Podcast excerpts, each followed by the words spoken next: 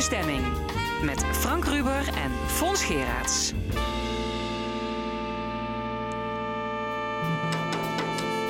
Welkom bij de stemming, de laatste van dit kalenderjaar. Wat gaan we doen? In het eerste uur blikken we terug op hoogte- en dieptepunten van het bijna voorbije jaar.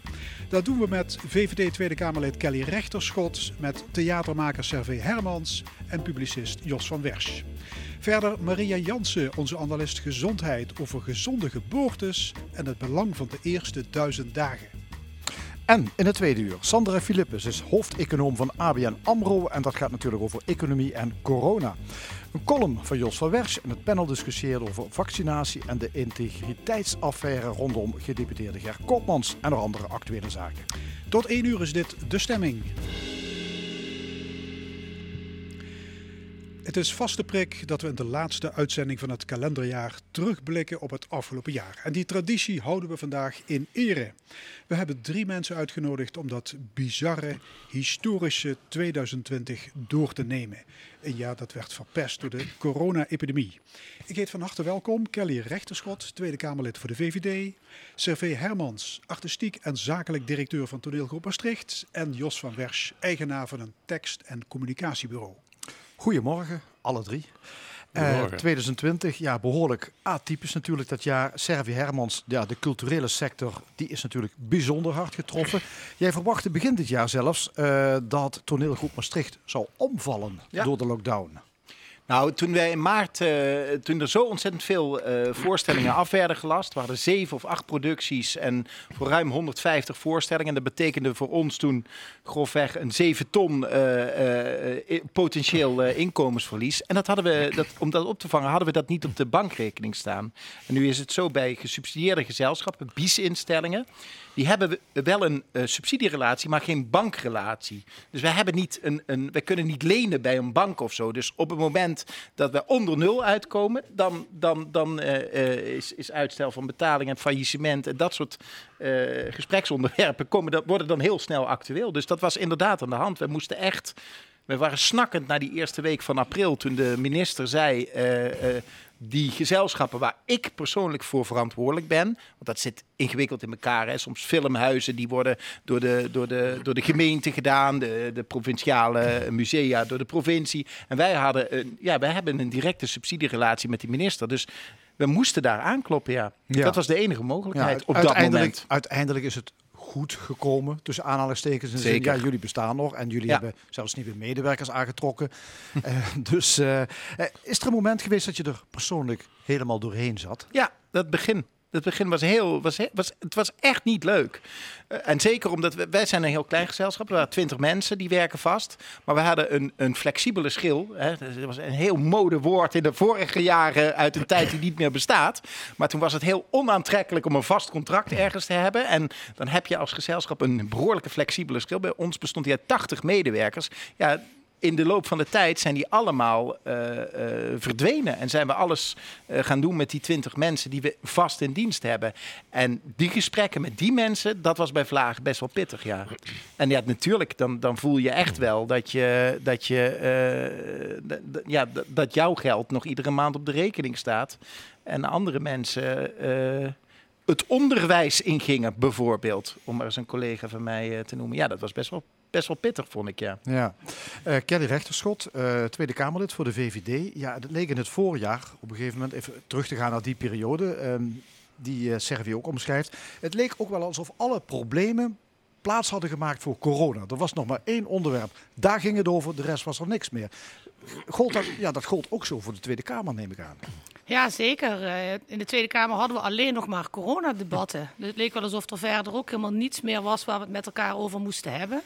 We kregen natuurlijk vanaf half maart was het ook echt een totale afschaling van de werkzaamheden in de Tweede Kamer om dus die besmettingen tegen te gaan. En het moest allemaal logistiek georganiseerd gaan worden, maar we moesten het wel met elkaar over corona hebben. Dus dat debat was gemiddeld één keer in de week, één keer in de twee weken werd het op een gegeven moment. Het leek minder te worden van de zomer, maar ja, we hebben het allemaal meegemaakt. Uh, vanaf het najaar is dat ook weer uh, toegenomen. En we hebben het over van alles en nog wat gehad. Hè. De, de mondkapjes, bron- en contactonderzoek, vaccinatiestrategieën. Uh, voor degenen die er niet in thuis waren, zoals ik. Ik had hè, in die zin nog niet uh, heel veel ervaring op het gebied van volksgezondheid. Ik denk dat we daar allemaal helemaal in meegezogen zijn. En dat Ja. dat ook het onderwerp was waar we het over hadden. Is dat ook niet vreemd? Ik bedoel, natuurlijk is corona eh, groot, het overheerst alles. Maar ja, al die andere problemen zijn niet weg. Nee, en al die andere zaken werden daar wel door beïnvloed. Dus dat kreeg je er ook nog eens bij. In mijn portefeuille bijvoorbeeld, ik eh, ga dan over de geestelijke gezondheidszorg binnen onze fractie. Daar heeft corona ook zo zijn weerslag op. Of mensen nog wel of niet eh, met hun eh, behandelaar in gesprek kunnen. Of ze wel of niet naar een locatie toe kunnen. Of dat van thuis uit moeten gaan doen. En mensen hebben daar natuurlijk ook gewoon de nodige problemen in ervaren. Maar heeft u de indruk dat er mensen misschien, eh zal maar zeggen, in de problemen zijn gekomen omdat er geen aandacht meer was voor hun sores? Ik denk dat we in het begin inderdaad echt een paar weken hebben gehad dat corona alles overheerste. En ik denk wel dat we toen ook allemaal weer terug zijn gegaan naar onze eigen core business. Om te kijken van wat kunnen we daar wel betekenen. En we zien dat ook binnen het MKB en de mogelijkheden die gezocht zijn binnen de culturele instellingen. Echt op heel veel gebieden is er wel ook naar oplossingen gezocht. En zijn we ook wel weer heel innovatief geworden. Eh, maar zeker in het begin waren we denk ik allemaal echt uit het veld geslagen dat er zoiets bestaat als een lockdown. In welke fase dat we dan ook Ja, zitten. dat was ook voor de eerste keer dat we dit natuurlijk meemaken. Ja. Eh, Jos van Wers, je hebt een eh, communicatiebureau.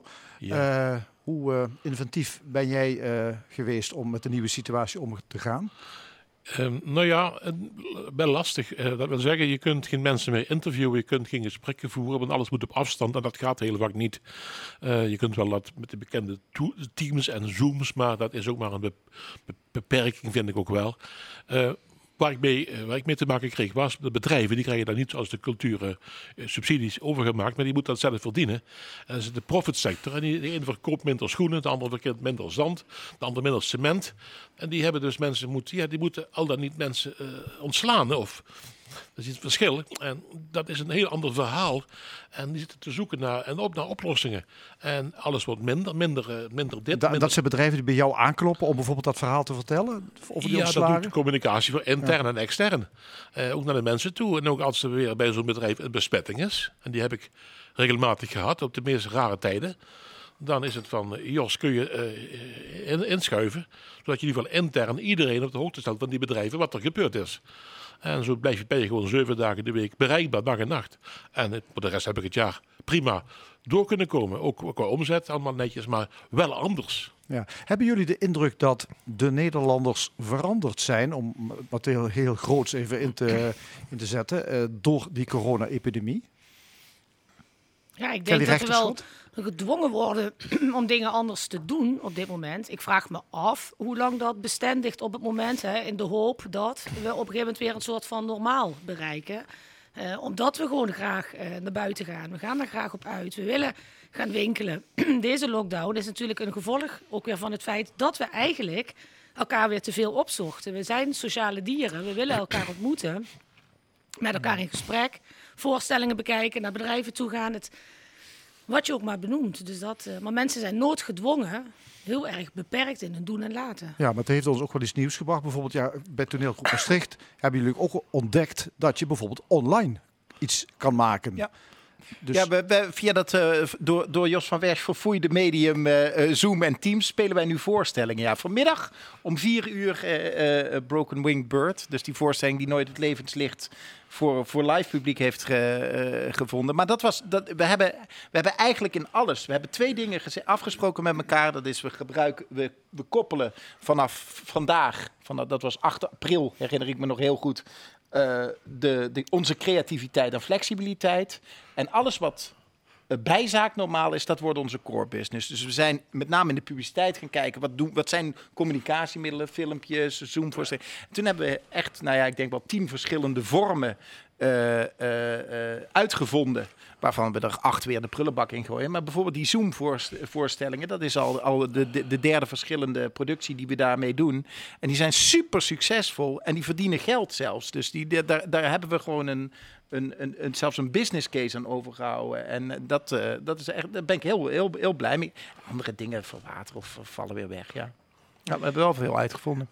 Kelly Rechterschot, VVD, Tweede Kamerlid. Waar hebben we het coronavirus aan te danken? We hebben het aan te danken. Nou, ik denk dat we het voor een gedeelte te danken hebben aan dat we een mondiale economie hebben. Het is ergens in China eh, opgedoken, althans dat is voor wat we nu allemaal eh, denken te kunnen duiden. En uiteindelijk hebben we het met elkaar over de hele wereld gebracht. En zie je wat dat dus ook eh, doet. Ehm, en op een andere manier, we hebben het aan te danken, is het misschien ook iets. eh, ik hoorde net, was ik op de, eh, in de auto op de radio hier naartoe, hadden ze het over een vergelijking met de pest in de 16e eeuw. En alles wat daaraan was, en ook de overdenkingen en alles wat daarna weer het allemaal zou kunnen brengen. Maar dat is natuurlijk van een andere orde dan, hè, we hebben het letterlijk aan te van Weg, zijn we onze planeet naar de galamies aan het helpen? Of zeg je, ik ben niet zo'n zwartkijker? Nou, ik zelf denk het niet. Ik, heb- ik leef redelijk eh, betrekkelijk rustig wat dat betreft. Hoor. Maar, maar dat we dat aan het doen waren, had ik zelf niet zo in de gaten eerlijk gezegd. Ik, want ik ben natuurlijk ook de laatste 10, 20, 30 jaar goed bezig geweest. En ook overal naartoe en alles gezien en willen hebben. Goed bezig geweest met? Ja, met, met consumeren. Reizen, consumeren. Met- zeker. Maar op een nette manier, denk ik toch wel. Maar wel goed meegedaan. En dat heb ik in dit moment... eh, is dat een soort bezinning gekomen dat je zit met mijn vrouw nu in een soort bubbel. Hè? Dan heb je tot van die knuffelcontacten. Over het geen straf. Maar eh, ja goed, maar in ieder geval... eh, en eigenlijk heb, ik, heb je heel weinig. Maar je hebt eigenlijk alles, want wat je nodig hebt, heb je ook gewoon nu. Met de beperkte middelen en dat ik ook de deur haast niet uitkom. Maar we eten, we drinken. Ik slaap wel slecht, moet Ja. ik zeggen. Nee, maar ik wil het vooral hebben over de, over de oorsprong. Ik bedoel, een Ja. virus op Ja. een Chinese exotische markt Zeker. is een no time in crime voor de hele wereld. Ja, maar wat, kun je er anders over zeggen dat, dan, dan dat, dat, een, dat dat een virus is zoals er zoveel virussen al geweest zijn. En deze bleek gewoon zo besmettelijk als verkoudheid Ja, te zijn. maar- we maar hebben moeten- gewoon dikke pech is, gehad moeten- en we moeten- hebben nog wel een keer dikke pech. Nou ja, pech. Moeten onze productieketens zo aan elkaar worden geknoopt tot diep in Azië? Nee, dat Met andere wel, woorden, moet het globalisme moet dat niet enigszins worden- ingeperkt? nou, dat zal wel veranderen, denk ik. Je ziet ook, je ziet ook in heel veel landen die, die eilanden zijn, hè, Taiwan of zo, de- waar, eh, waar, waar ze een stuk sneller. Heeft ook te maken met mentaliteit van Aziaten hè, dan, eh, en, en, en, en, en controle van de overheid. Waar wij, ja. waar wij, waar wij natuurlijk ja. veel meer moeite mee hebben. Maar je ziet eh, ei- eilanden de- die je kunt afsluiten. Wij, wij, krijgen, wij, krijgen, wij krijgen, zullen ook altijd problemen krijgen met die, met die grenzen. Denk ik. eh, ja, de, nou, nou ja. Ja, Nederland het, is ook zal wat wel, het het zal wel veranderen, maar Maar Nederland is ook wat het is, omdat eh, de economie van Nederland ook gebaseerd is op het handel drijven, het met elkaar in contact komen. Juist dat soort zaken, dat is waar we hè, onze Nee, maar, ook... maar is het nodig dat je midden in de winter sperziebonen uit Kenia in de supermarkt Nee. kunt kopen? Maar dat is ook nooit, weer- nooit nodig Niet, geweest. hebben we nooit, we hebben nooit- achteraf zeg je dat flauwekul allemaal zeg. We hebben de asperges zijn goed. Hè, in april, maart, dat is prima hier voor Limburg. En we hebben toch eigenlijk alles in eigen beheer kun je hebben. Mhm. Maar ja, ik moet zeggen, ik vond het ook wel lekker om af en toe iets heel geks te kopen en te eten. Wat op de kaart stond, moest ik ook vragen aan de, aan, aan de, aan de, aan de Gerard. Wat is dat eigenlijk? Het komt uit Zuid-Amerika. Oh, zeg, interessant. Maar heb je niet het gevoel juist, want nu krijg je steeds meer eh, macht bij supermarkten eh, te, te, te, te liggen. Dus ik vraag me af, die blijven producten aan de laatste, laagste prijzen en, en, en groot handel voeren. Ik denk dat juist die kleine streekproducten er op dit moment meer last van hebben dan, eh, dan de sperziebonen uit Kenia. Ja, en, en- en uiteraard bepaalt uiteindelijk de prijs straks en de omzet en de winst van de supermarkten hoe het verder gaat. Dat moeten we ook geen illusie maken. Zo was het en zo blijft het ook waarschijnlijk. En we gaan straks ook weer feesten. Ja, Eh, dat is de we vraag. gaan Zijn er dus- nog, zijn er Jawel, nog meer we- dingen die we straks gaan eigenlijk weer niet feesten. meer kunnen doen als de epidemie nee, we is gaan weer feesten. Hebben ons gedragen weer ons beesten. Mijn moeder Gaan we weer vliegen? We gaan weer vliegen. Natuurlijk gaan we weer vliegen. Vijf keer per jaar op vakantie? Pff, dat is veel. Fun drie- shoppen, fun Jawel, shoppen, ja, spullen zeker. bestellen die Nu je eigenlijk niet nodig hebt. Nu nog Maar waarom denk je dat, dat mensen wel veranderen? Zullen mensen hun gedrag aanpassen na de, na de, na de crisis? Of is het gewoon weer back to... eh, De meesten die nu nog, zelfs bij de lockdown, nog naar het outlet, zag ik gisteren in Maasweg op L1 TV. Dan denk ik, ja, kijk, die gaan nu nog door. Die gaan nu nog sun shoppen. Bij wijze van spreken, noem het weliswaar gewoon boodschappen doen. Maar blijf gewoon thuis. maar, Maar ik denk, denk niet je niet dat die mensen ook iets uit te leggen hebben aan hun omgeving? Zouden ze nog even trots eh, als voorheen zeggen... ik ben naar eh Maasmechelen geweest om Ja, te maar die mensen daar, die hebben daar niet, het hoeft om iets uit te hoeven te leggen. Die gaan gewoon en die zijn eigen baas. Hè. Dan moet je wat vragen, moet je netjes vragen en dan krijg je een tik op je neus. Dus die leggen niks uit verder. En dan zijn er bij ons land, overal trouwens, heel veel van die. Dus dat win je niet. En het is de, macht van dat getal dat ons verdomme hier mensen die er zich wel aan houden. Mijn moeder is 92 jaar bijna. Die houdt zich al een jaar keurig, gewoon zelfstandig, eet, drinkt. Mijn, zus die woont vlakbij daar gelukkig. Dat vind ik fantastisch. En niet negatief, optimistisch. We gaan er doorheen komen. Maar beperkt. Die gaat ook nergens meer naartoe natuurlijk. En dan zie ik nu, zeker op die tv-beelden, daar word ik helemaal wild van. In die winkelstraten. Ook in Maastricht ook. En in Roermond. En de burgemeester zegt, dat is echt te veel hoor. En echt niet goed hoor. Man, gooi die straat toch dicht, die winkel dicht. Doen we niet hè. Durven we niet. Kan niet. Sylvie, heb jij je eigen leefwijze nog onder de loep genomen? Of Ja, was je al 100 super duurzaam 180 graden. Ja, nee, ik ben helemaal niet. Ik ben een ontzettend gulzige, gulzige consument van eh, kunst en cultuur en popfestivals. En ik dans graag in cafés op de tafel. En dat heb ik allemaal natuurlijk niet gedaan. Dus wat dat betreft was het wel een verplichting om het 180 graden om te draaien. Ehm, dat, dat is ook net zo, dat is net zo vervelend als dat het leuk is. Ik, ik denk wel dat er dingen zullen veranderen. Ik weet niet, ik denk ook bij mezelf wel. Maar je ziet wel, zeker jongere mensen zijn wel heel woke hè, geworden. En, en eh, als je kijkt, de, de, de overfocus op, eh, op, eh, op, op gezondheid, op Black Lives Matter, op, op hoe, hoe, hoe de wereld eruit ziet, hoe we erin staan. De kli- klimaat is voor jonge mensen een enorm groot thema. En ik denk echt dat het nu in een eh, stroomversnelling is geraakt. Ja. Dus ik denk wel, ik denk wel dat het grote gevolgen. Ik denk dat een heel, heel groot deel die niet anders kunnen. Eh, omdat ze al hun hele leven zo, zo, zo hebben ingericht dat die, dat, die, eh, dat die gewoon weer door zullen gaan met, in, of zullen vervallen in een oude patroon. Maar ik denk in die nieuwe generaties dat er echt wel, wel dingen, dingen zullen veranderen. Ja. In het voorjaar was er heel veel aandacht voor dit soort beschouwende dingen. Daar hoor je tegenwoordig weinig meer over. Is jullie dat ook Ja, opgevallen? zijn- Het gaat alleen maar over vaccinatie tegenwoordig. We zijn een beetje murm gedraaid hè. Ja, we zoeken de oplossing, denk ik, op dit moment. Juist omdat je ook weer voelt van ik zou zo graag Ja, weer wat meer Er staan de willen. startblokken hè. Ja, en te dat, wachten van, oh, we hebben het ook al gehad. Nu willen we eigenlijk weer wel verder kijken. Dat heb ik ook wel, moet ik Ja, zeggen. zijn klaar met resetten. Ja, hè, dat je zo tegen maart, april denk je, dat is natuurlijk niet zo. Dat hoop je dan, dat je weer ergens kunt gaan zitten. Op een berg met een glas wijn en een bitterbal, een gehaktbal, heerlijk. En daar heb je, daar is, ja, meer heb je niet nodig ook, hè, in dat mooie land hier. Dus daar kijk je naar uit. Dus je wil eigenlijk dat een beetje ook achter je laten. Het was zoveel ellende en gedoe. En nog, ik, ik vind- betrap me erop dat ik ook langzamerhand de tv-programma's, maar weer zo'n zo'n afdeling met IC, zet ik weer af. Ik kan het niet meer hebben, dat is te veel. Ja, maar het, zou wel, het is wel belangrijk volgens mij dat je het wel doet. Je ziet nou ook eh, vanmorgen weer, er komt weer een, een gemuteerd virus uit, eh, uit Groot-Brittannië. En Marion Koopman zei het volgens mij in de Trouw, een heel, heel goed artikel. Ook een Limburgse, straffe madame. Ja. Maar ehm, eh, da- dat je eigenlijk wel als samenleving toch afspraken moet gaan maken. In dat je niet helemaal weer terug kunt. Dus de- laten we zeggen, teru- terug de discussie. Het nieuwe normaal zal er toch anders uit moeten zien dan, eh, eh, dan, ja, dan, dan hoe we bezig waren. Ja. Oké, tot zover deze eerste ronde met Kelly Rechterschot, Servé Hermans en Jos van Wers. We praten zo meteen verder. Ja, en met onze muziek eh, vandaag blikken we ook terug op 2020. We maakten een selectie uit zangers en zangeressen die ons dit jaar ontvallen zijn. Zoals Lucille Starr. Die stond al in 1958 op het podium in haar geboorteland Canada. En eh, internationaal had ze een grote hit met The French Song.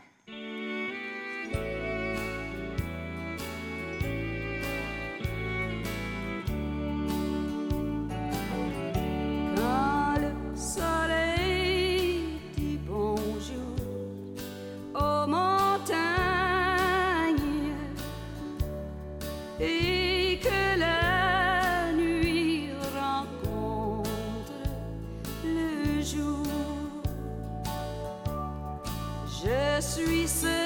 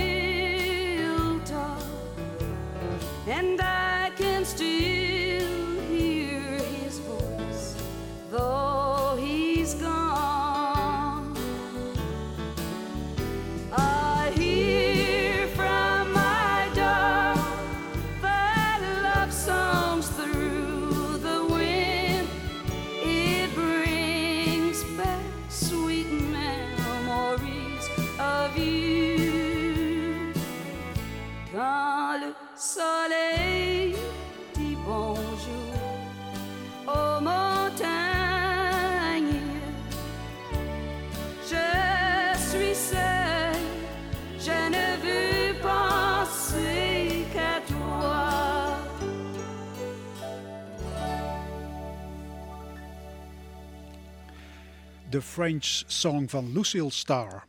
Aan tafel hier in de stemming van L1 VVD Tweede Kamerlid Kelly Rechterschot, theatermaker Servé Hermans en communicatiespecialist Jos van Wersch. Onderwerp van gesprek het jaar 2020. Ja, in Limburg kunnen we navelstaren, maar ook de rest van de wereld die raakt ons natuurlijk. Eh, internationaal gebeurde er heel veel afgelopen jaar. Ehm, ja, waar zullen we beginnen? Trump, eh, de Verenigde Staten. Eh, Trump verloor dan uiteindelijk toch de verkiezingen. Eh, tenminste, hij is de enige die dat nog betwijfelt, geloof ik. Eh, wat, wat gaat het betekenen voor ons, denken jullie? En eh, andere president, Biden, ehm, wordt de wereld anders? Kelly Rechterschot? Nou, ik denk niet dat de wereld zomaar anders wordt. Ik denk wel dat de contacten op het hogere internationale niveau anders zullen worden. En dat dat zich weer anders zal eh, verdelen. Eh, maar natuurlijk zijn we ook met elkaar gebonden aan afspraken die we maken. Die kan je niet zomaar weer aan de kant zetten op het moment dat er een nieuwe president komt. En eh, we hopen op een andere invloed, denk ik, nu Biden dadelijk als president wordt beëdigd. Maar wat het precies allemaal gaat betekenen, ik denk vooral dat we heel veel hoop hebben, dat de verwachting er is en dat het anders zou moeten. Er zijn er ook mensen die dat misschien helemaal niet zo zien. Maar ik denk wel in de samenwerking die wij altijd hebben gehad, ook met de Verenigde Staten en onze bondgenoot daarin, dat we daar wel weer andere stappen in kunnen gaan zetten. En stappen die ons misschien wat dichterbij zitten dan dat we hadden in de relatie met Trump. Ja, maar op welke manier zou het anders kunnen worden? Of verwachten we misschien zelfs wel te veel? Misschien denken wij wel dat, het, dat we weer nauwer tot elkaar komen. Misschien is Ja, op het gebied van klimaat heeft Biden zich al uitgesproken dat hij toch alweer hè, mee wil doen aan Parijs en eh, alle akkoorden die er dan ook zijn. Nou ja, dat is al een uitspraak die wel wat verwachting wekt en een andere kant op gaat dan alles wat er in de afgelopen jaren beëindigd is. Dat zijn wel dingen dat ik denk, nou ja, meer verantwoordelijkheid nemen voor dat soort thema's. Hoopvol dus. Hoopvol, ja. Ja, hoe kijken de andere de Best heren wel- aan tafel ja, best wel, als je dat in Amerika ziet, best wel treurig land eigenlijk. Hè? Dat onbegrensde land, mogelijkheden en zo. Zie wat daar zich afspelen in een jaar tijd aan ellende. Op alle gebied. Dan denk ik, maar zijn we toch in Europa veel verder hè? gebleven. Veel verder dan die Amerikanen. Ja. Als je alleen al kijkt naar onze directe buren. Naar, naar zo'n premier nu de nieuwe in België, de, de Croo. Die man doet dat heel erg goed. Denk eens aan Angela Merkel. De topvrouw van de wereld. Hoe standvastig en stabiel. Nooit een schandaal, nooit gedoe. Goede lijn. Dan ben ik zo blij dat ik in dit hoekje van, van de wereld mag wonen hier. Hè? Ik denk dat, dat Duitsland en, en eh, eh, België echt wel andere landen zijn. Nederland is altijd een land dat zich heel erg aan Amerika spiegelt. Hè? en heel ja. erg Amerika volgt. Veel meer dat Duitsland is met zichzelf bezig. eh, met Ja. haar eigen verleden nog ook heel erg. België spiegelt zich veel meer aan, aan, aan, aan Frankrijk. Maar ik denk dat Nederland zich altijd heel erg aan, aan Amerika juist spiegelt. En ook als je ziet... Dus, dus dat Trump vier jaar geleden gekozen was, is natuurlijk een resultaat van wat je in de 30, 40 jaar daarvoor aan, bij de macht van de bedrijven. Het is niet van niets. Het is gewoon een, een, een nasty ondernemer die vier jaar lang eh, baas van de wereld is geweest. En dat komt omdat, die, eh, omdat, omdat de industrie in Amerika niet meer te reguleren was voor de politiek. Dus heeft die industrie de totale macht. Dat is een uitwas van iets wat 40 jaar daar, daar bezig is. En ik vind dat Nederland daar wel naar moet kijken. Dat je heel erg oppast. Vind niet voor niets is dat, dat de VVD eh, weer, weer, weer, weer gaat staan voor een meer gereguleerde en sterkere overheid. Waar ze vroeger eh, meer, meer op die Amerikaanse lijn zaten. Ik denk wel dat die, dat die invloed van Trump belangrijk is altijd voor Nederland geweest. En ik denk ook dat eh, ehm, eh, ehm, wij daar, wij daar ook, ook naar moeten kijken en lessen uit moeten, moeten trekken om, eh, om een stevigere overheid weer, weer terug te nemen. Waar Duitsland en, en België altijd stevige Ja. overheden hebben gehad. Als je kijkt, Trump zoekt ook de randen op eigenlijk van de spelregels die de democratie biedt. En dat zie je in Europa natuurlijk ook wel in bepaalde landen. Hè? Polen, Hongarije. Is, ehm, hoe vanzelfsprekend is onze democratie? Eh, is dat niet een, een vraag die dan, dan bij je opkomt? Eh Kelly Rechterschot? Ja, ik denk dat dat juist inderdaad. dus ik vind het een goede vraag, want het is niet zomaar vanzelfsprekend. En als we niet kijken, niet goed uitkijken, zetten we hem dadelijk zomaar eh, bij het grof vuil. Om we moeten daaraan blijven werken. We zijn er met z'n allen verantwoordelijk voor. Je moet je daar ook voor in willen zetten. En je moet het doen met z'n allen. Niet voor een beperkte groep, niet een groep die op dat moment interessant is of ertoe doet. Hè. Je moet toch een bepaalde mate van solidariteit heb je gewoon met elkaar nodig om een maatschappij uiteindelijk eh, te kunnen runnen. En ik Maar, denk maar lopen wij in Nederland ook het gevaar dat de democratie ondermijnd gaat worden? Zijn die, ja, is, dat, is dat te verwachten? Is dat, is dat Nou ja, we, hebben in ieder geval, we zijn in ieder geval wel heel erg liberaal af en toe. Hè. Dat wil zeggen, we hebben een, een democratie, fantastisch, maar hier, mag, hier zie ik toch wel heel veel middel, eh, opgestoken middelvingers. Van, van mensen waarvan ik het niet verwacht. Of, of de overheid, waar, waar, waar boeien jullie mee? Ja. Dat vind ik ongelooflijk zeg. Ik heb nog, ben, nog, ja, ik ben natuurlijk een jaar ouder en opgevoed met dat ik de overheid respecteer. Ja, dat heb ik gewoon geleerd van mijn ouders. Dat, die heb ik ook gekozen. En daarom ben ik ook zo boos als die rotzooi maken. Maar goed, een ander verhaal. Maar ik, ik heb die democratie hoog. Maar ik, en ik geloof daar ook heilig in. En, en de democratie van Amerika. En dan heb je een president in Amerika.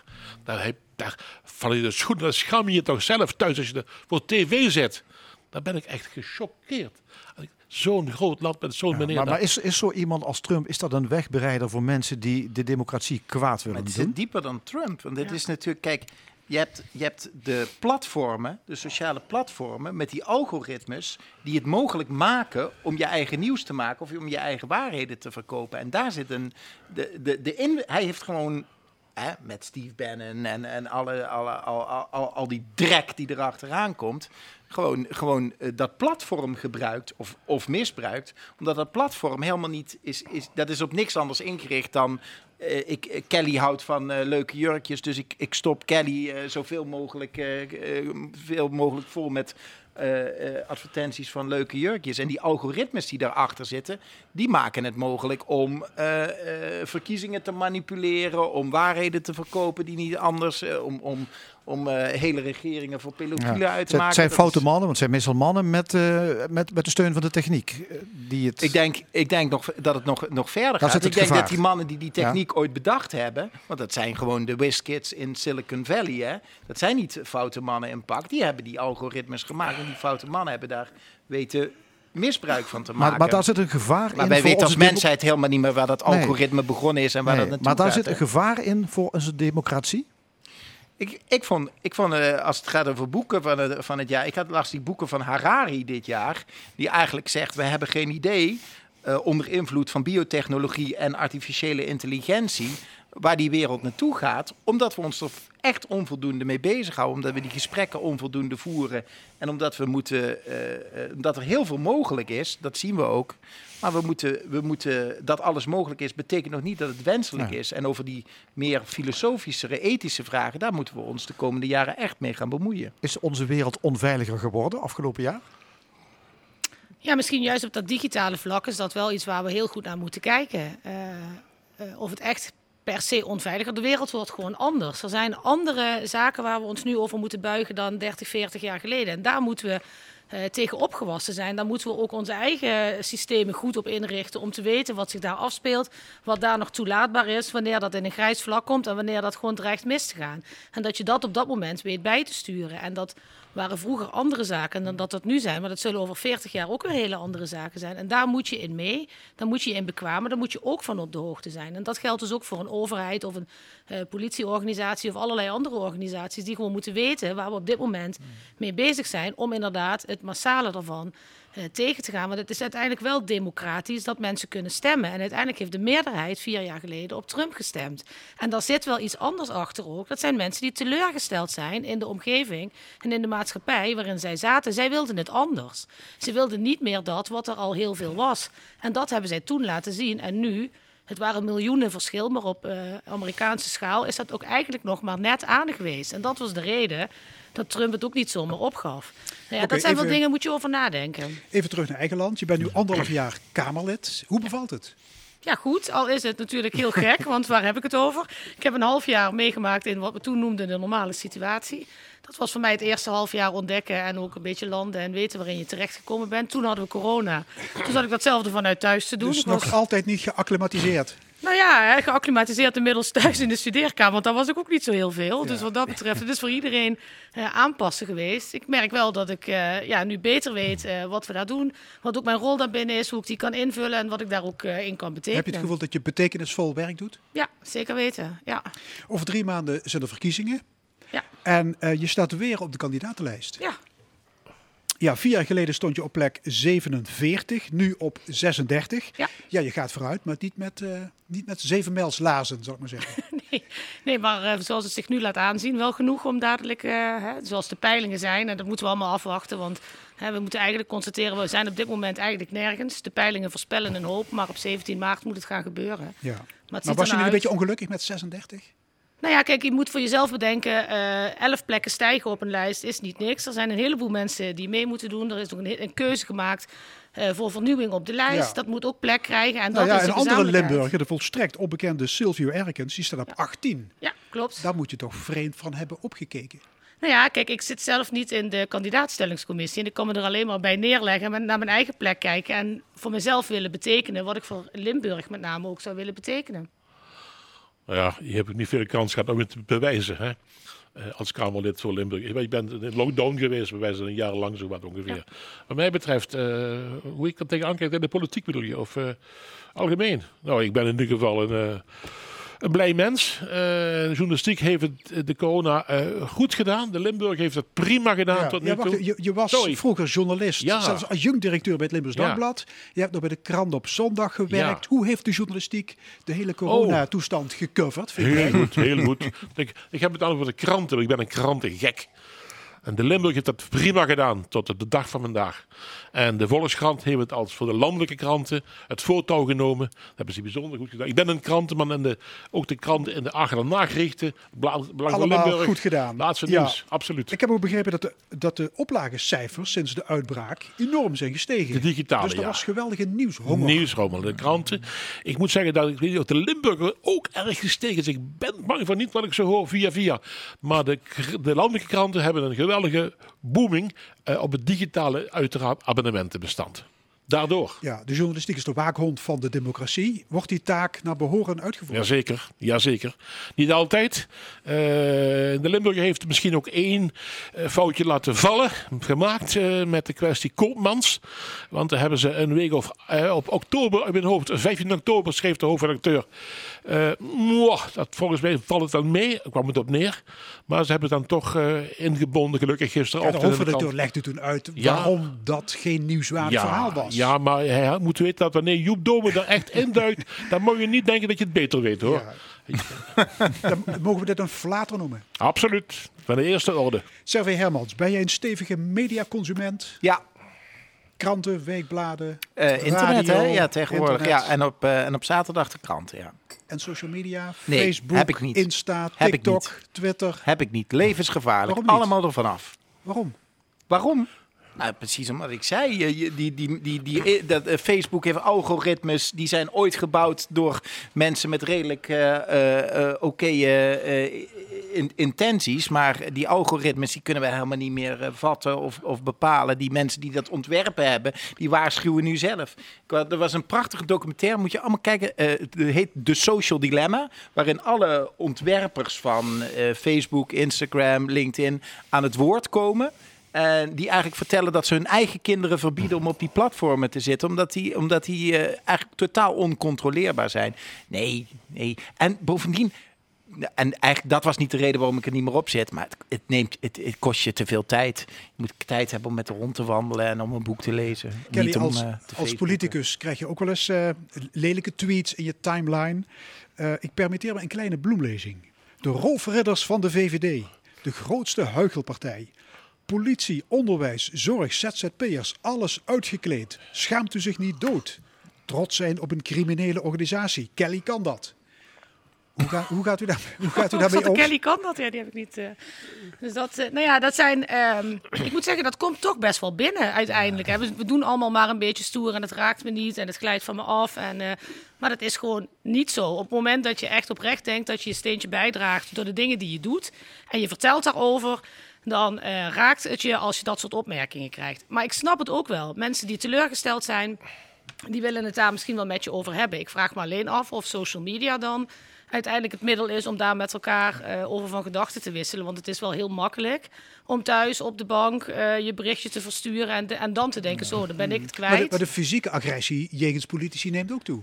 Ja, maar die is er ook, denk ik, in de afgelopen jaren ook altijd in een bepaalde vorm wel geweest. Daar waar mensen teleurgesteld zijn, zich niet gehoord voelen eh, en dat op een andere manier uiten. Hè, er zijn ook in de afgelopen jaren heeft de krant er bol van gestaan dat politici bedreigd worden en dat daar van alles mee gedaan moet worden. Ik denk niet dat we elkaar op die manier helpen in deze maatschappij, maar ja, het is een uitwas van ontevredenheid. Wat is het beste boek dat jullie dit jaar hebben gelezen? Servé Hermans. Nou, het beste boek dat ik dit jaar heb gelezen was 21 lessen van de 21ste eeuw van Harari. Maar het beste boek eigenlijk vond ik Vos. Dat bestaan, dat was al, dat heb ik, kreeg ik drie weken geleden van Leon van Donschot. En die heeft een biografie geschreven over Luc de Vos. Totale onbekende zanger in, eh, in, in Nederland, maar een volksheld in België. Tot zijn dertigste bij zijn moeder gewoond in Wippelgem. En eh, eh, ik heb twaalf jaar in Gent gewoond en, en, het, en het speelt zich af in, eh, in, in, in Gent, waar hij een stadsicoon is. En het was een geweldig boek die mij heel erg terug die denken aan, die, aan, die, ehm, aan die jaren die ik in Gent woonde, die ik een beetje verdrongen had omdat ik zes jaar alweer hier ben. Geweldig boek of een geweldige man. En, en het is een, volgens mij, daarom zou ik het hier ook graag aanprijzen. Ongelooflijk leuk om eerst het boek te lezen, dan in zijn muziek te duiken. En eh, eh, de kern van de volksaard via Luc de Vos eh, eh, weten te vatten. Echt een knap boek. Rechterschot, beste Ja. gelezen dit jaar? De ik heb natuurlijk een aantal boeken op het politieke vlak gelezen. Maar wat ik vooral leuk vond in combinatie met de tijd die je nu hebt om meer, doordat je meer thuis bent, ben ik met mijn jongens, die zijn 9 en 7, begonnen aan de Harry Potter reeks. En dan ga je dus alles weer even terug.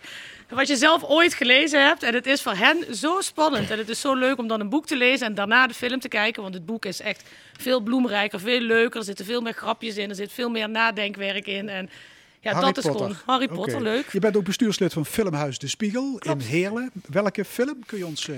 Belangenverstrengeling. Is dat een film?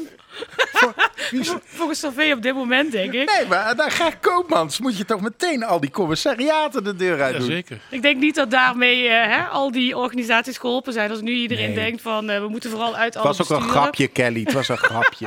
Maar het is eh, in die zin, eh, ik ben er zelf eigenlijk amper geweest eh, voor de vergaderingen omdat er zo weinig films vertoond konden worden. En dan in de beperktheid eh, van een zaal met 30 personen vond ik het belangrijker om een rol als bestuurslid Nee, in oké, maar op televisie of via Netflix of... Nou ja, ik heb dus ook inderdaad eh, het hele gebeuren rondom de social media en het dilemma. Dat heb ik ook eh, gezien en dat vond ik ook wel indrukwekkend. Jos, nog iets? Nee hoor, ik kijk, geen- ik kijk geen films, geen Je series. leest alleen maar kranten. Kranten, hè? Kranten, Pas op. kranten. En Duitse, eh, Duitse talkshows, die zijn fantastisch. Hey, tot slot, wat verwachten jullie van 2021? Krijgen we een derde golf voor de kiezen? Worden we allemaal immuun of worden we belaagd door COVID 2021, 22? Eh, een prikje, hè. alstublieft een prikje. En eh, ik neem dat van de buren ook. En van de rest van de straat als ik dan weer Ja. eh, naar Pinkpop mag en eh, Ja. bier mag drinken met Kelly en Jos. Dat heb ik ook, ja. Ik heb, heb ik ook eh, alles eraan doen om zo'n ding te krijgen, zo'n vaccin. Alles eraan doen. Al moet ik het steden gaan, maar ik zal erin krijgen voor mevrouw, voor mij en de kinderen. Ik ook. Oké, mag ik jullie hartelijk danken. Kelly Rechterschot, Serve Hermans en Jos van Wersch. Graag gedaan. John Prine overleed in april van dit jaar. Het coronavirus werd hem noodlottig. Zijn muzikale carrière als volkszanger begon in de jaren 60 in Chicago. Hij bleef muziek maken zelfs tot na zijn dood, want er verscheen dit jaar nog een album van hem postuum. Wij kiezen voor Angel from Montgomery uit 1971.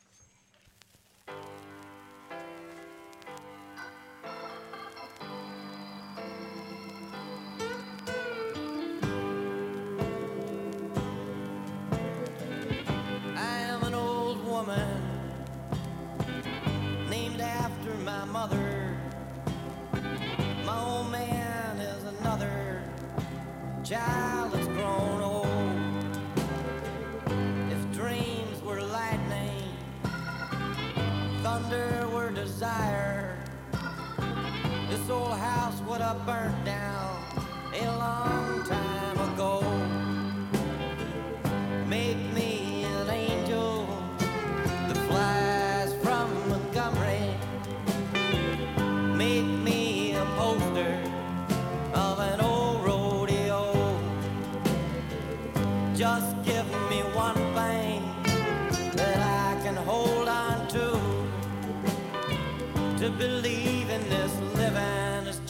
a hard way to go.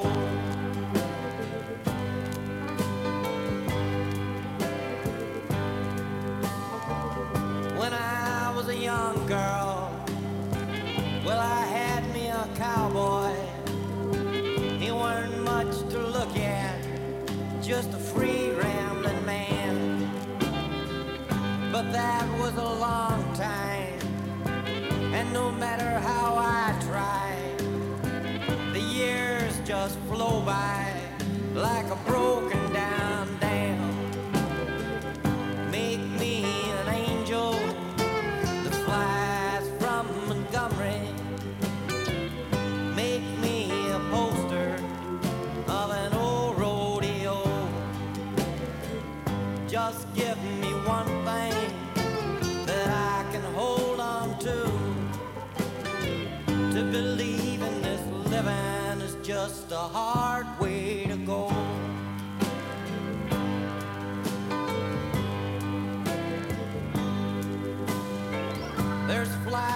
kitchen. I can hear them there buzzing. And I ain't done nothing since I woke up today. How the hell can a person go to work in the morning and come home in the evening and have nothing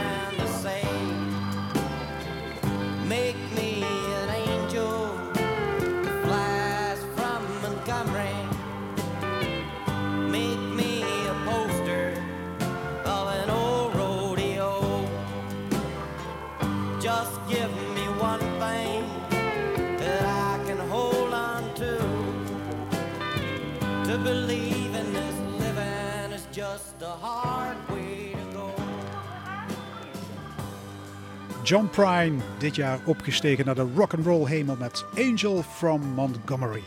We zijn toe aan het laatste onderdeel van het eerste uur, de stemming, onze analist van de week. De analist.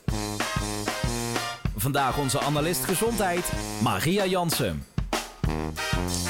Goedemorgen Maria. Goedemorgen. Ja, eh, onze gezondheid. Ehm, het is van groot belang. Eigenlijk ehm, beseffen we dat meestal pas als we ziek worden. Hè? Dus dat is wel, eh, ja, je ziet het ook in deze coronatijd weer. Ehm, wanneer zouden we ons, vind jij, druk moeten gaan maken al over onze gezondheid? Is dat, moet je daar al heel jong mee beginnen of komt er een bepaalde leeftijd of zoiets? Ja, ja, gezondheid is niet vanzelfsprekend. We merken het natuurlijk nu deze dagen ook weer heel nadrukkelijk. Hè? En eigenlijk zou je je al om je gezondheid moeten gaan bekommeren bij de conceptie. Dus bij de bevruchting. Als je zwanger wilt worden samen met je partner, dan moet je eigenlijk al gaan nadenken over... Ja, is dit wel het juiste moment? En zijn we daartoe in staat? Want die eerste periode, die eerste duizend dagen, die zijn eigenlijk heel belangrijk. En Dus het Ja. begint echt meteen al bij de conceptie. Je, daar moet je al, al opletten. Waar, waar moet je dan opletten? Je noemde al een paar dingen, maar leg eens uit. Nou, je moet heel erg letten op eh, je leefstijl. Want ehm, kijk, de, de conceptie, de, de, de eerste duizend dagen is eigenlijk heel wezenlijk. Eh, in die duizend dagen wordt van één zaadcel en één eicel worden nou, 100 triljoen cellen gemaakt in negen maanden tijd. Die allemaal gedifferentieerd zijn met organen die heel belangrijk zijn, die een heel leven lang mee moeten. Nou, dus die eerste duizend dagen moet die baarmoeder voldoende voedingsstoffen geven aan zo'n foetus, zodat dat ja, zeg maar optimaal ontwikkelt. En, wa- Want wat helpt, heel het leven mee. en wat helpt dan bijvoorbeeld niet mee? Eh, Nou, wat niet meehelpt is een, bijvoorbeeld een ongezonde leefstijl. Te veel alcohol, te veel roken of überhaupt roken. Eh, drugsverslaving kan heel is funest, dat weten we eigenlijk al. Dat is al, al jarenlang bekend. Maar ook gewoon de, ja, de sociaal-economische situatie, slechte huisvesting, ehm, is misschien toch niet zo'n hele stevige relatie. Stress. Stress, ja, Ja. en dat noemen we, als dat echt chronische stress is, noemen we dat ook echt toxische stress. Want dat is funest voor, ja, zeg maar, de gezonde geboorte. En Ja, dan ja, komt er, ontstaat er geen gezonde baarmoeder en dus geen gezond eh, leven. Ja, die eerste duizend dagen, dat is echt fundamenteel voor ja, zeg maar de biologische ontwikkeling, meer medisch, maar ook gezondheidswetenschappelijk. En ook vanuit het maatschappelijk perspectief. Want kijk, in die eerste duizend dagen worden bijvoorbeeld, even als voorbeeld, hè, de hartspier, een heel belangrijke spier. Die wordt in de eerste twaalf weken al in aanleg gevormd. Idem dito de nieren. Nou, bij een ongezond voedingspatroon of ongezonde leefwijze of veel stress, ehm, dan eh, krijg je onvoldoende hartspieren, minder hartspiercellen en misschien wel kleinere niercellen. En niercellen zijn heel belangrijk voor de rest van het leven om alle afvalstoffen uit te scheiden. Dus dan is in wezen in aanleg zijn de organen al minder goed ontwikkeld. En in de rest van het leven, na je geboorte, treedt langzaamaan wel een beetje slijtage op. Dat is gewoon een natuurlijk proces. En die organen zijn eigenlijk wat minder goed bestand tegen die natuurlijke slijtage. En dan Ja. word je eerder ziek. Nou, meer zorgkosten. Dus ook de maatschappelijke impact op arbeidsverzuim, op niet optimale talentontwikkeling is heel groot. Het begint dus bij de conceptie. Eh, nou, laten we dan even naar de geboorte gaan. Eh, kun je daar ook al constateren of die zwangerschap ja, goed is geweest? Dus of het leven op een goede manier begint? Kun je dat aan de geboorte zien? Ja, dat kun je aan de geboorte zien. Dat noemen wij, in ons vakgebied noemen wij dat de big two. Dus de, de belangrijke twee factoren die bij de geboorte al ja, zichtbaar maken of je gezond bent. En dat, zijn- dat is vroeggeboorte, dus dan word je te vroeg geboren voor de 37e week van de zwangerschap. En een te laag geboortegewicht. En dat is allebei niet goed natuurlijk. Dat is alle twee Nee. niet goed. En soms breiden we dat uit naar de Big Four. En dan hebben we dus vier factoren die essentieel zijn bij de geboorte al. Dan voegen we daaraan toe aangeboren afwijkingen. En we voegen eraan toe de Epker-score. Dit is een, een test die is ontwikkeld door Dr. Epker. En die zegt of je het geboorteproces goed hebt doorstaan. Ja, jullie eh, kijken hier naar de situatie in Zuid-Limburg. Dat doen jullie als universiteit onderzoek. Hoeveel van die kwetsbare baby's komen er in Zuid-Limburg ter wereld jaarlijks? Nou, als we naar Zuid-Limburg kijken, hebben we ongeveer ehm 4000 geboorten per jaar. Ehm, in Nederland is ongeveer 15 heeft last van die big two, hè, waar ik het net over had. In Zuid-Limburg is dat 18% En sommige gemeenten in Parkstad zitten zelfs iets boven de 20% Dus dan is 1 op de 5 heeft, Zo- Zo'n ja, heeft zo'n 800 big- Dus ongeveer. dan heb je 800 geboorten die niet helemaal ja, een goede start hebben. Dat is best veel trouwens. Ja, dat is substantieel. Nee, Ja. dat is zeker. Dat is Ja. substantieel. En weten we waarom Limburg eh, dus slechter scoort dan de rest van Nederland?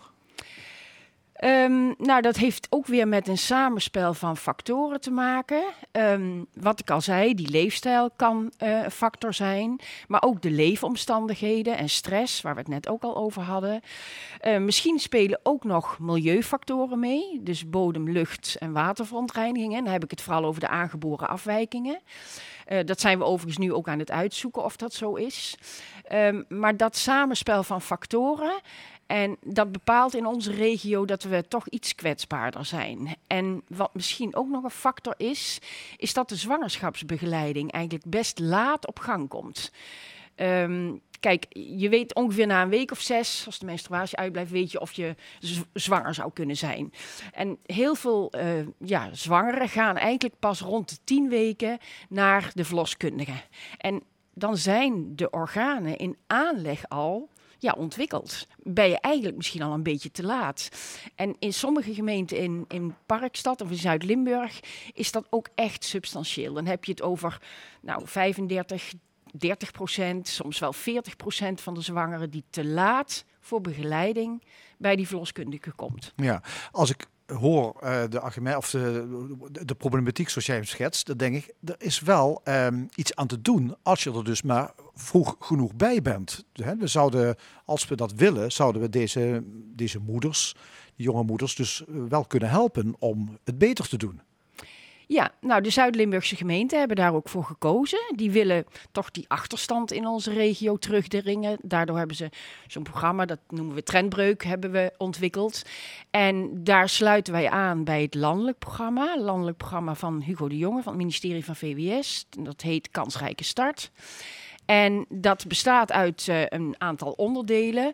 Eén daarvan is nu niet zwanger. Dan gaan eh, aandachtsfunctionarissen in gesprek met jongvolwassenen om hen te motiveren om op dit moment nu vooral niet zwanger te worden. Want ja, misschien heb je wat financiële problemen, heb je verslavingsproblematiek, psychiatrische problematiek, een licht verstandelijke beperking. Dus dan is het eigenlijk niet het juiste moment.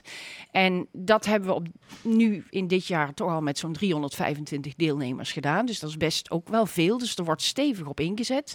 En we hebben programma's om kwetsbare zwangeren en hun partner heel intensief te begeleiden. En dat is het programma voorzorg en stevig ouderschap. En dan ja, brengen we vooral ook ja, opvoedingsassistentie geven we mee. Om die eerste duizend dagen, om daar echt stevig op in te zetten. Ja, hoe bereik je die mensen? Want dit zijn, eh, misschien hebben die ook wel enig wantrouwen tegenover hulpverleners die komen uitleggen hoe je zwanger zou moeten worden en of je zwanger zou moeten worden en hoe je die zwangerschap moet doorgaan. Hè? Dat kan me voorstellen dat er ook wel enige aversie is tegen mensen die je dat komen vertellen. Ja, nou ja, die, begrijp, die, die bereiken we via de andere organisaties. En dan kan je denken aan de verslavingszorg, gewoon de GGZ, eh lichtverstandelijke beperking, zitten ook vaak in instelling of zijn gebonden aan een hulpverlening met andere hulpverleners. Dus via het maatschappelijk werk, via de huisartsen, via ook eh, ja, de- soms ook de opleiding, de, de, de, de, de, de instellingen waar die jongeren terechtkomen, soms ook gewoon het welzijnswerk. Dus we proberen ze op die manier eigenlijk vooral op de plek waar zij komen, proberen we ze te bereiken. En dat lukt tot dusver eigenlijk best wel goed. Want heel veel, ja, we krijgen ook heel veel begeleiding. We doen het niet alleen. Hè. Het gebeurt vanuit een heel samenspel van de voorstellen instellingen. dat er, dat, dat er vaak misschien oordelend of veroordelend naar mensen toe wordt gegaan. Eh, Dat is de vraag Ja. of dat dan helpt. Maar deze aandachtsfunctionarissen en die verpleegkundigen, die zijn heel goed getraind om met die jongeren, jongvolwassenen samen het, het gesprek te voeren. Om vooral heel goed te luisteren. Zonder oordeelsvorming, zonder te suggereren dat ze iets fout hebben gedaan. Nee, juist niet. Zoeken naar de kracht, wat ze zelf kunnen en waar ze zelf juist verbetering in kunnen brengen. En dat doen ze heel goed. Daar zijn ze echt wel heel zorgvuldig in getraind. Ja. Wat ik mij nou afvraag, als stel het eh, en die conceptie, die vinden al niet onder de beste omstandigheden plaats. En die hele zwangerschap, eh daar zijn grote problemen. En zo'n kind komt toch ter wereld. Is het dan, ja, is de, de, de achterstand, is die dan ook echt niet meer in te halen? Is het dan een, ja, eh, moet je zeggen, is het dan een hopeloos geval? Nee, zo dramatisch moeten we het ook niet eh, beschouwen. Kijk, als iemand met ja, toch bijvoorbeeld te vroeg geboren wordt of een te laag geboortegewicht. Kijk, dan valt er ook daarna nog een heleboel te repareren, gelukkig. En ook ouders hebben heel vaak zelf heel veel ja, ondersteuningskracht en kunnen dat gewoon ja, met, met elkaar goed eh, ja, herstellen. Ehm, sommigen kunnen dat wat minder zelf en die hebben dus ook extra begeleiding nodig. En daar zorgen we voor met die programma's die we, eh, die we hen aanbieden. En dat zijn ook programma's die blijven lopen de komende jaren. Dat moet je dus heel langdurig uitrollen. Ja, dat is ook echt de bedoeling om dat heel langdurig gewoon eigenlijk structureel onderdeel te maken van onze reguliere geboortezorg en onze zwangerschapszorg en onze opvoedondersteuning. Ja, zodat we ook op dat Nederlands gemiddelde terechtkomen. Juist, Oké, dankjewel Maria Jansen. graag gedaan. Straks in de stemming Sandra Philippen, hoofdeconoom van ABN AMRO, over corona en de economie. Over banken, de lockdown en steunpakketten. Een column van Jos van Wersch, een discussiepanel over het onderzoek naar gedeputeerde Ger Koopmans en nog veel meer. Blijf luisteren, tot zometeen.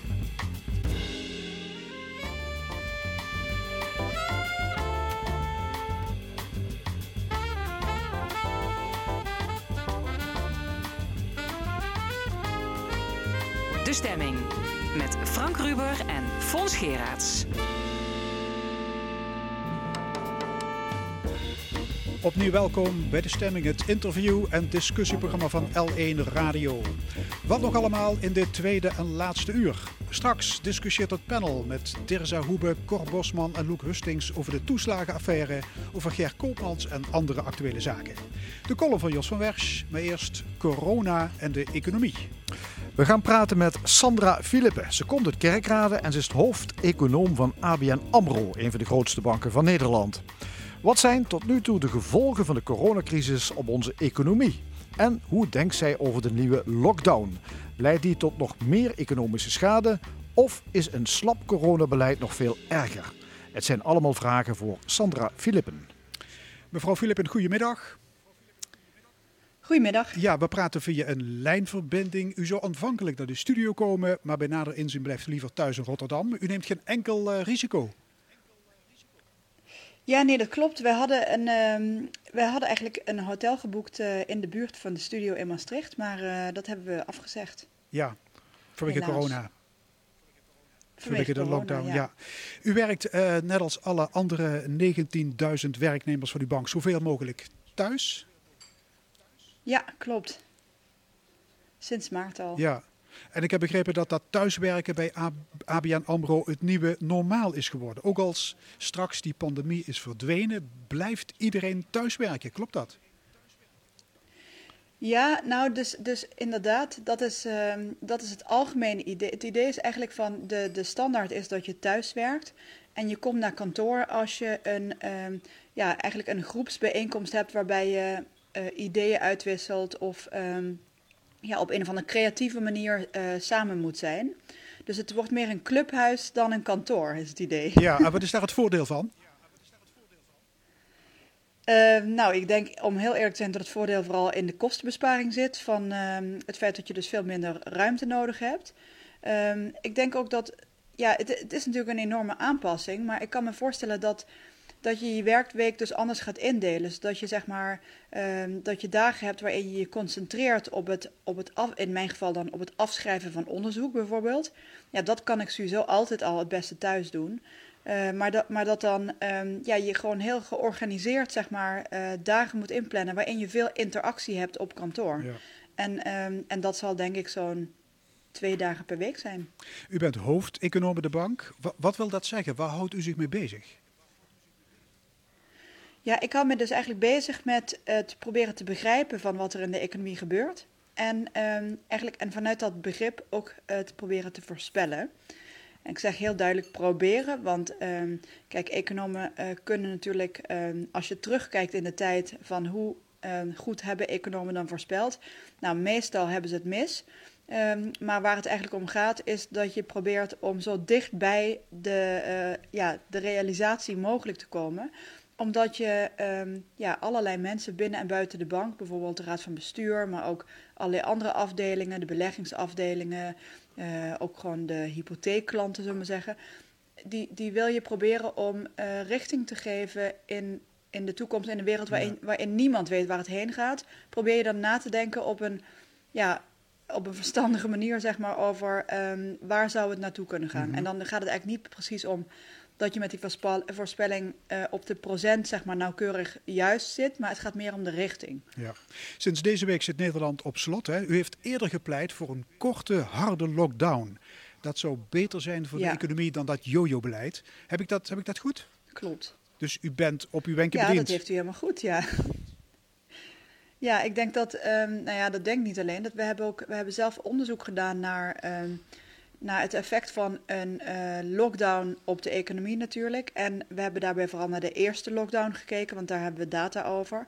En daar was, hebben we iets opmerkelijks gevonden, namelijk dat ehm, de lockdown minder schadelijk is eh, dan je, zeg maar, stel, stel je, je meet de economie voor, tijdens en na de lockdown. Nou, dan heb je natuurlijk enorme schade. In het tweede kwartaal was dat 8,5% krimp van het BBP. Maar die krimp komt niet alleen maar door de lockdown. Die komt ook omdat het virus ook zonder lockdown tot eh, voorzichtige consumenten leidt.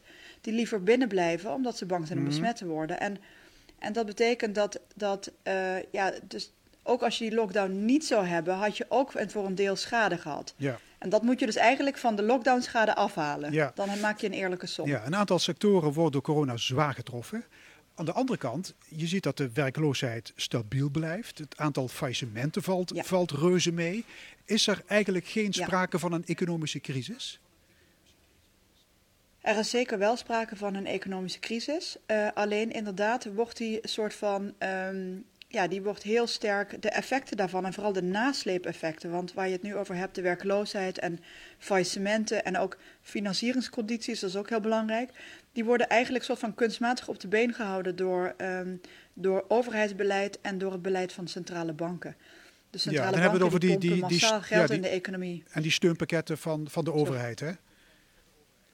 Ja, dus de, de, de NOW, maar ook de TOZO en heel veel belastinguitstel. Dat voorkomt eigenlijk dat, dat bedrijven omvallen op dit moment. En het voorkomt daarmee ook dat ehm, mensen op straat komen te staan. Dus Ja. dat de werkloosheid oploopt. Ja, die steunpakketten die zijn niet krenterig. Het kost de staat bakken met geld. De teller gaat richting, als ik het goed heb, 40 miljard euro. Krijgen de burgers straks de rekening gepresenteerd?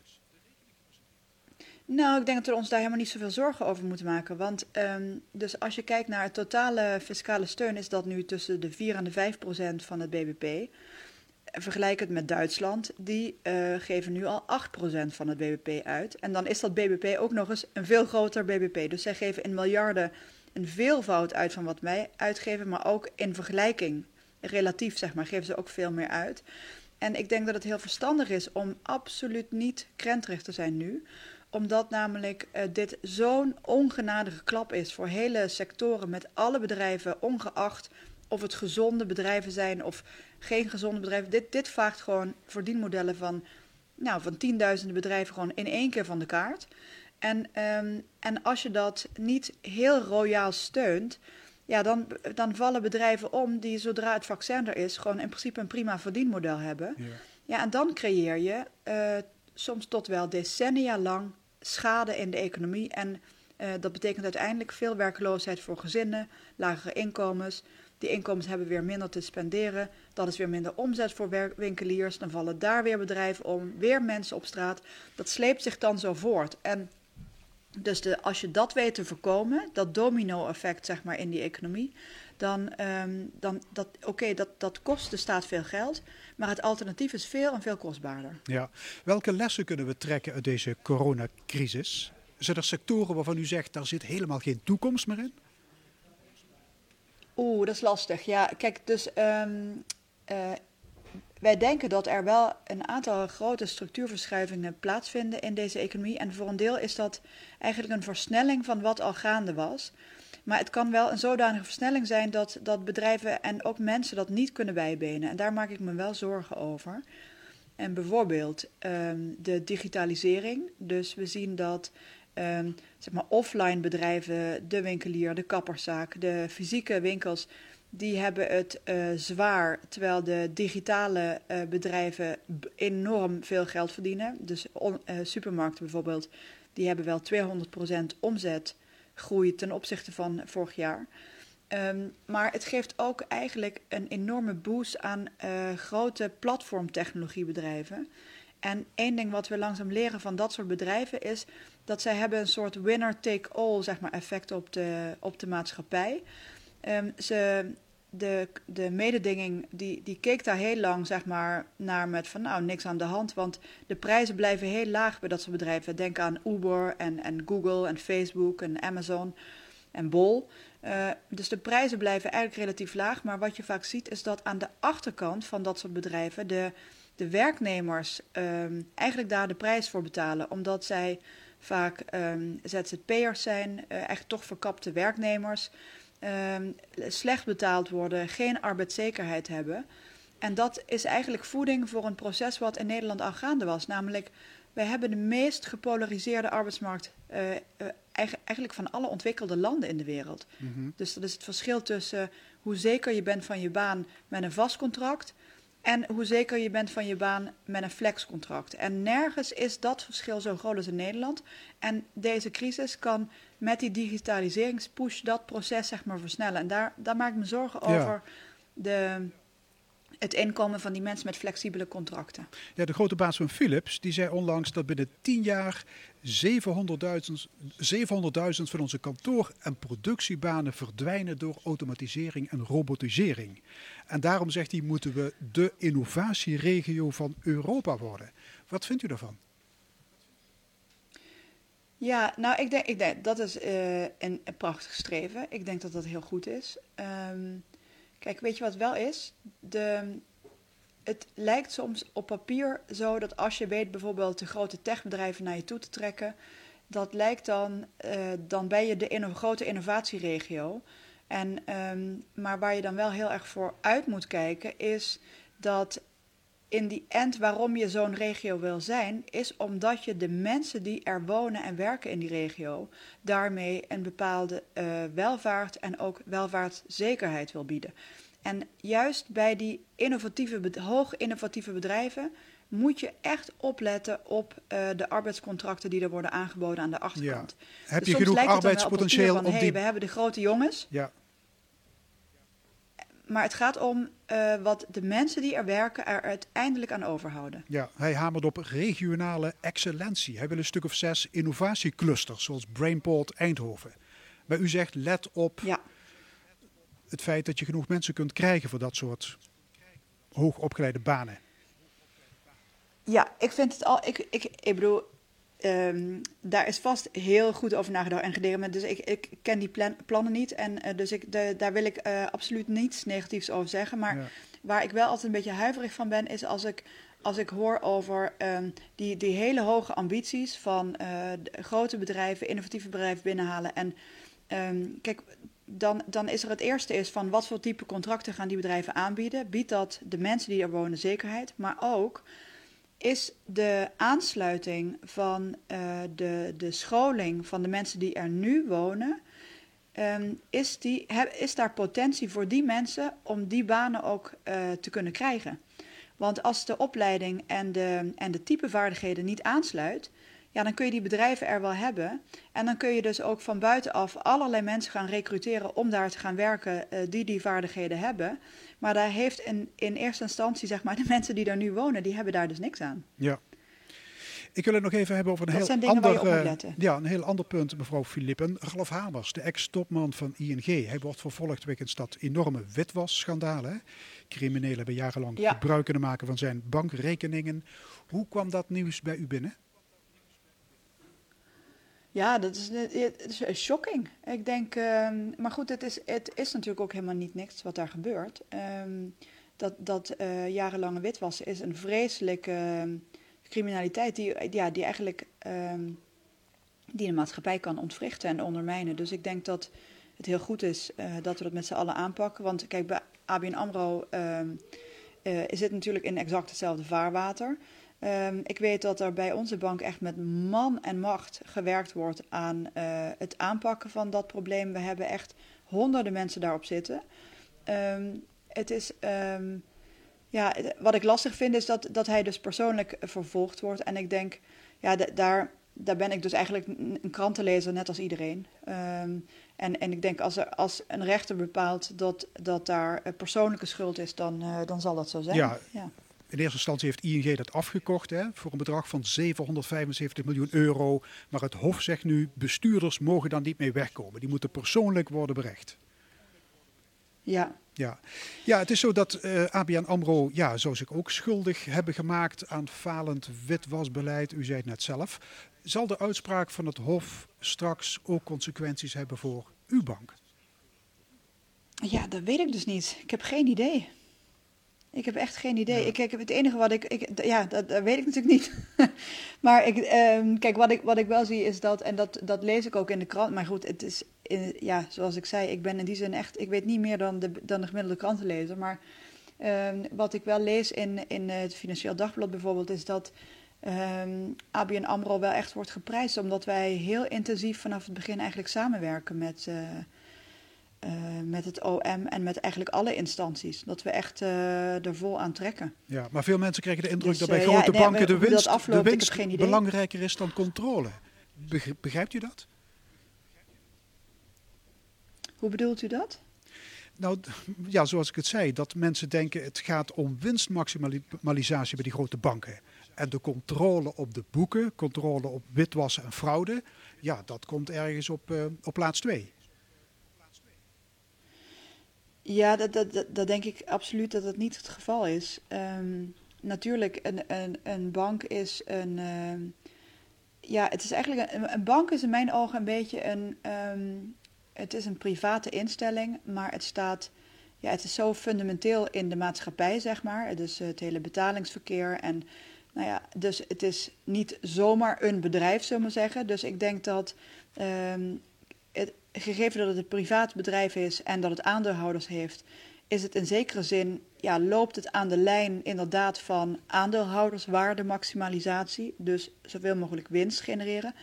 Maar in dit geval is eh, een groot aandeelhouder, eh, de groot aandeelhouder van ABN AMRO, is diezelfde overheid. Ja. Dus ehm, ja, ik denk dat je van ABN AMRO wel kan zeggen dat we een organisatie midden in de maatschappij zijn. En dat dus ehm, het, het, eh, het winst maximaliseren niet, ehm, niet, niet het enige en misschien niet eens het hoogste doel is. Ja, maar onderzoeksjournalisten die, hebben becijferd dat het gaat om een totaalbedrag van 2000 miljard euro. In de periode 1999-2017. En deskundigen die zeggen, ja, daar kan een bank door omvallen, met alle gevolgen van dien. En daarom is het beter om die grote systeembanken op te knippen in kleine banken. Dan kun je ook beter toezicht houden. Valt daar iets voor te zeggen? Ja, nou op zich, ik volg die gedachte wel. Alleen volgens mij is de laatste jaren de, de trend van de toezichthouder juist andersom. Dus de Europese Centrale Bank en ook de Nederlandse Bank, die zijn nu eigenlijk ehm, heel erg ehm, bezig met eh, de markt zeg maar, voor te bereiden op consolidatie. Dus dat wil zeggen dat banken in Europa samengaan. Eh, eigenlijk juist om ehm, een grotere, veel grotere schaal eh, te kunnen creëren. Om eh, met eigenlijk twee problemen beter te kunnen omgaan. Ten eerste met alle wat je noemt compliance, dus zeg maar het voldoen aan alle regels. Dus dat is het controleren op witwassen, maar eigenlijk ook alle andere. Want een bank heeft ongeveer een derde van zijn eh, personeel eigenlijk alleen maar bezig met het uitvoeren van controle ehm, of het, het voorbereiden van, van de mogelijkheid zodat toezichthouders kunnen controleren. Ehm, en, en het tweede wat ze dan beter zouden kunnen als ze groter zijn, is dat ze ehm, meer overlevingskans hebben eh, in eh, de wereld waarin we leven, namelijk eentje met extreem lage rentes.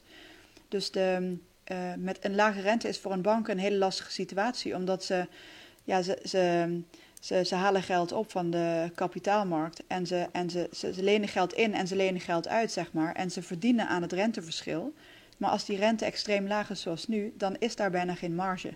En dat eh, zijn eigenlijk de twee factoren waardoor de Europese Centrale Bank nu juist denkt... ehm, we, moeten de, we moeten de bankensector laten consolideren. Dus juist dat er veel grotere spelers ontstaan. En even, even voor, voor, voor Ja. uw begrip, hè, ABN AMRO is, is een relatief kleine speler, is geen grote speler. Oké. Sandra Filippen, hoofdeconoom van ABN AMRO. Mag ik u hartelijk danken. Ja, graag gedaan. Zometeen in de stemming de column van Jos van Wersch. Maar eerst soul-legende Bill Withers. Hij heeft ons dit jaar verlaten, dus alle reden om Lean on Me te draaien.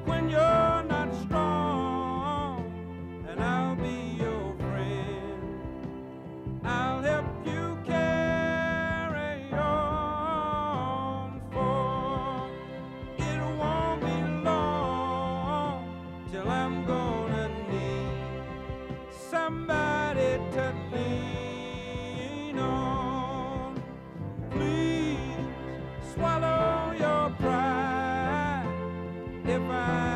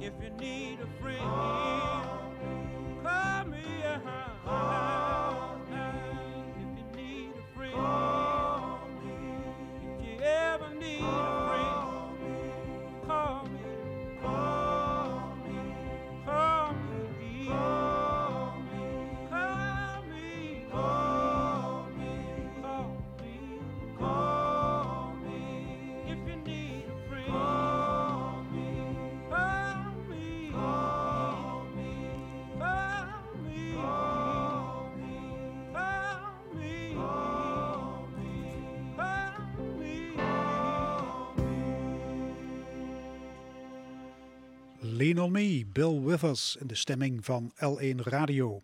Zo dadelijk het discussiepanel dat zich gaat vrijgelen over in het oog springende actualiteiten. Maar eerst de column. De column. Vandaag met Jos van Wersch. Ger Koopmans, de architect van het extra parlementair provinciebestuur, kreeg vrijdag een parlementaire enquête na zijn integriteit aan de broek, de facto in moties van wantrouwen. Zo'n enquête is de zwaarste vorm van onderzoek en is nog nooit in Limburg gehouden. Ook dat is zeer opmerkelijk, want door de jaren heen lagen in Limburg de kansen voor het oprapen. Nee, ik ga die politieke edelachtbaren niet allemaal bij naam en toenaam noemen, want ik heb slechts drie minuten spreektijd. Koopmans en gouverneur Bovens gingen vrijdag diep door het stof in het gouvernement. Desondanks mopperde Koopmans dat het hem mateloos irriteert dat er door deze kwestie in beeld is ontstaan alsof, citaat, de integriteit in onze provincie niet op orde zou zijn. Een opmerking waar Joep van het Hek in zijn oudejaarsconferentie wel raad mee weet. Wat zei onze gouverneur vrijdag ook alweer? Dat het hem met de beste wil van de wereld niet was gelukt om belangrijke mails in de kwestie Koopmans boven water te krijgen. Oftewel, de Limburgse pendant van het zoekgerakte bonnetje van Ivo Opstelde en Fred Thewe. We weten hoe het met die twee is afgelopen. Geachte heren Koopmans en Bovens in die volgorde. Limburg kan er deze affaire simpelweg niet bij hebben in een jaar zonder feestdagen. We hebben torenhoge besmettingen, te weinig ziekenhuisbedden. Het vliegveld Beek is technisch failliet. Vier Limburgse steden staan in de top 10 van de meest kansarme gemeenten van Nederland. En Netcar Born wil op voorhand uitbreiden zonder zicht op een nieuwe klant. Alsof MBV alvast een groot stadion gaat bouwen voor het geval ze ooit Champions League spelen. Ellende en onzekerheid genoeg, zou je zeggen. Maar nee hoor, in Limburg is de mesthoop nooit vol. Altijd er een rupsje nooit genoeg die erop scheidt, waarna het hem nooit een zij door zijn eigen dommigheid dun door de broek loopt. Het Limburgs parlement gaat allesbehalve vrij uit. Vergeet niet, om belangenconflicten te voorkomen, wordt voor elke benoeming van een gedeputeerde een risicoanalyse uitgevoerd. Bij Koopmans is het maar liefst drie keer gebeurd. Alles oké, zei het parlement drie keer in koor. Datzelfde parlement kiest nu met een pak kerstboter op zijn hoofd voor een parlementaire enquête. Hoe Kafkiaans wil je het hebben? Maar er is hoop. Pfizer, BioNTech en Moderna zijn bereid om een vaccin te ontwikkelen tegen het Old Boys Network van met name de Christen-Democraten in Limburg. Corona en CDA, beide beginnen met een C. Er zijn dagen dat ik me afvraag wat erger is: corona of Ger Koopmans in een foute kersttrui. Column was dat van Jos van Wersch. Inmiddels zijn hier aangeschoven voor het discussiepanel, de allerlaatste van dit kalenderjaar, want we houden een korte winterstop. Tirza Hoebe, consulent duurzaamheid en participatie, Loek Hustings, communicatieadviseur en Cor Bosman, ondernemer, meer speciaal winkelier. Ja, de Tweede Kamer is chagrijnig. Ze vindt dat de vaccinatie te laat op gang komt in Nederland. Hebben onze parlementariërs een punt? Is minister De Jonge te traag volgens jullie, Loek?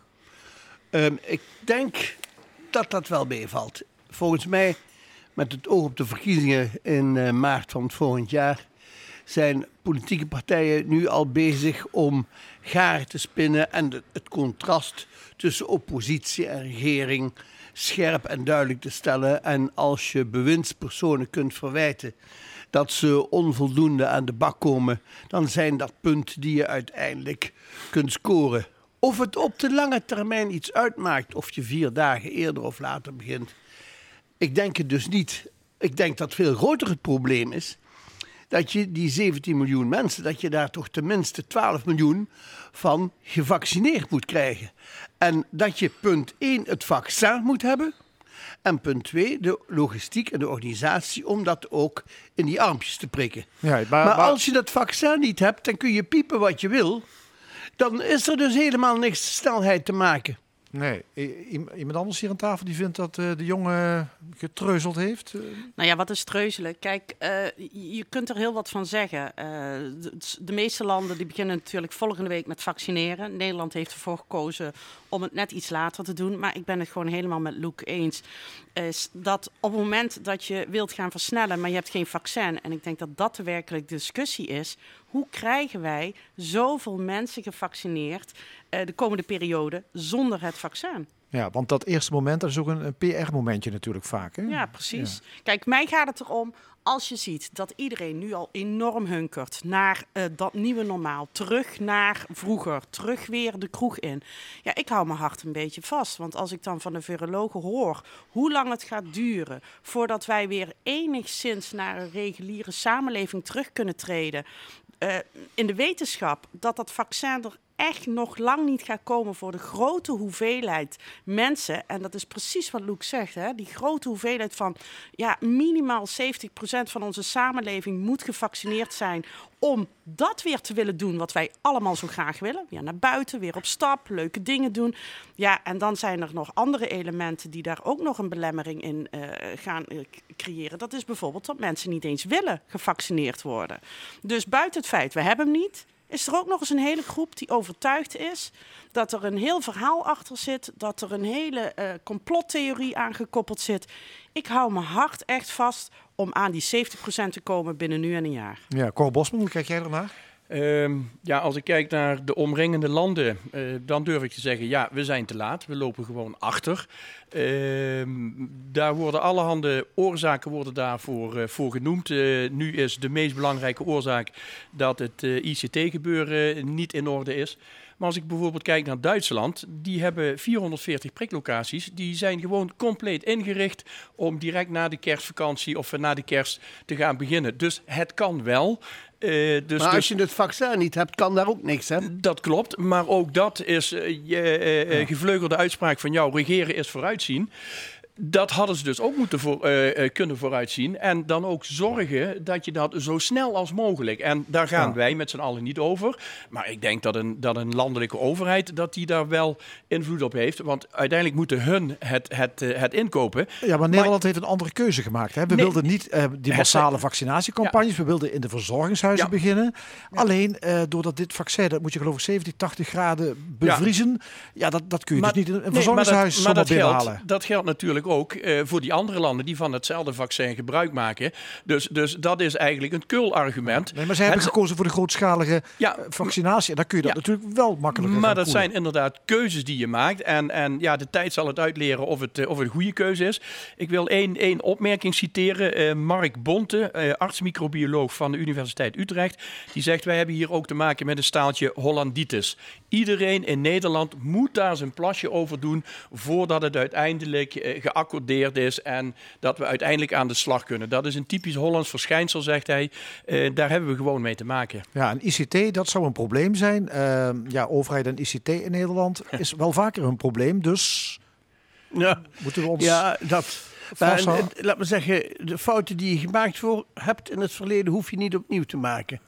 En je begint nu met iets nieuws waarbij heel Nederland gevaccineerd moet worden. Dus je kunt meteen een nieuw systeem optuigen. Je hoeft geen gebruik te maken van de 19 bestaande systemen die tegen elkaar inwerken. Dat is één. Maar het belang daarvan om goed vast te stellen wie wat gekregen heeft, dat vind ik wel heel, eh, heel groot hoor. Want ehm, het, je, eh, het blijkt dat die verschillende vaccins verschillende eigenschappen hebben. Na verloop van tijd zal blijken dat de ene eigenschap toch wat meer of wat minder van toepassing is. Dan moet je wel precies weten wie heeft nou dat spul gehad en wat moeten we daar nu aan doen om die ehm, vervolgens ehm, eh, nog iets bij te geven. Of, dus je moet het wel goed geregistreerd Ja, hebben. En nu kan het. Misschien, misschien kijk ik daar te simpel naar, maar we hebben een Rijksvaccinatieprogramma.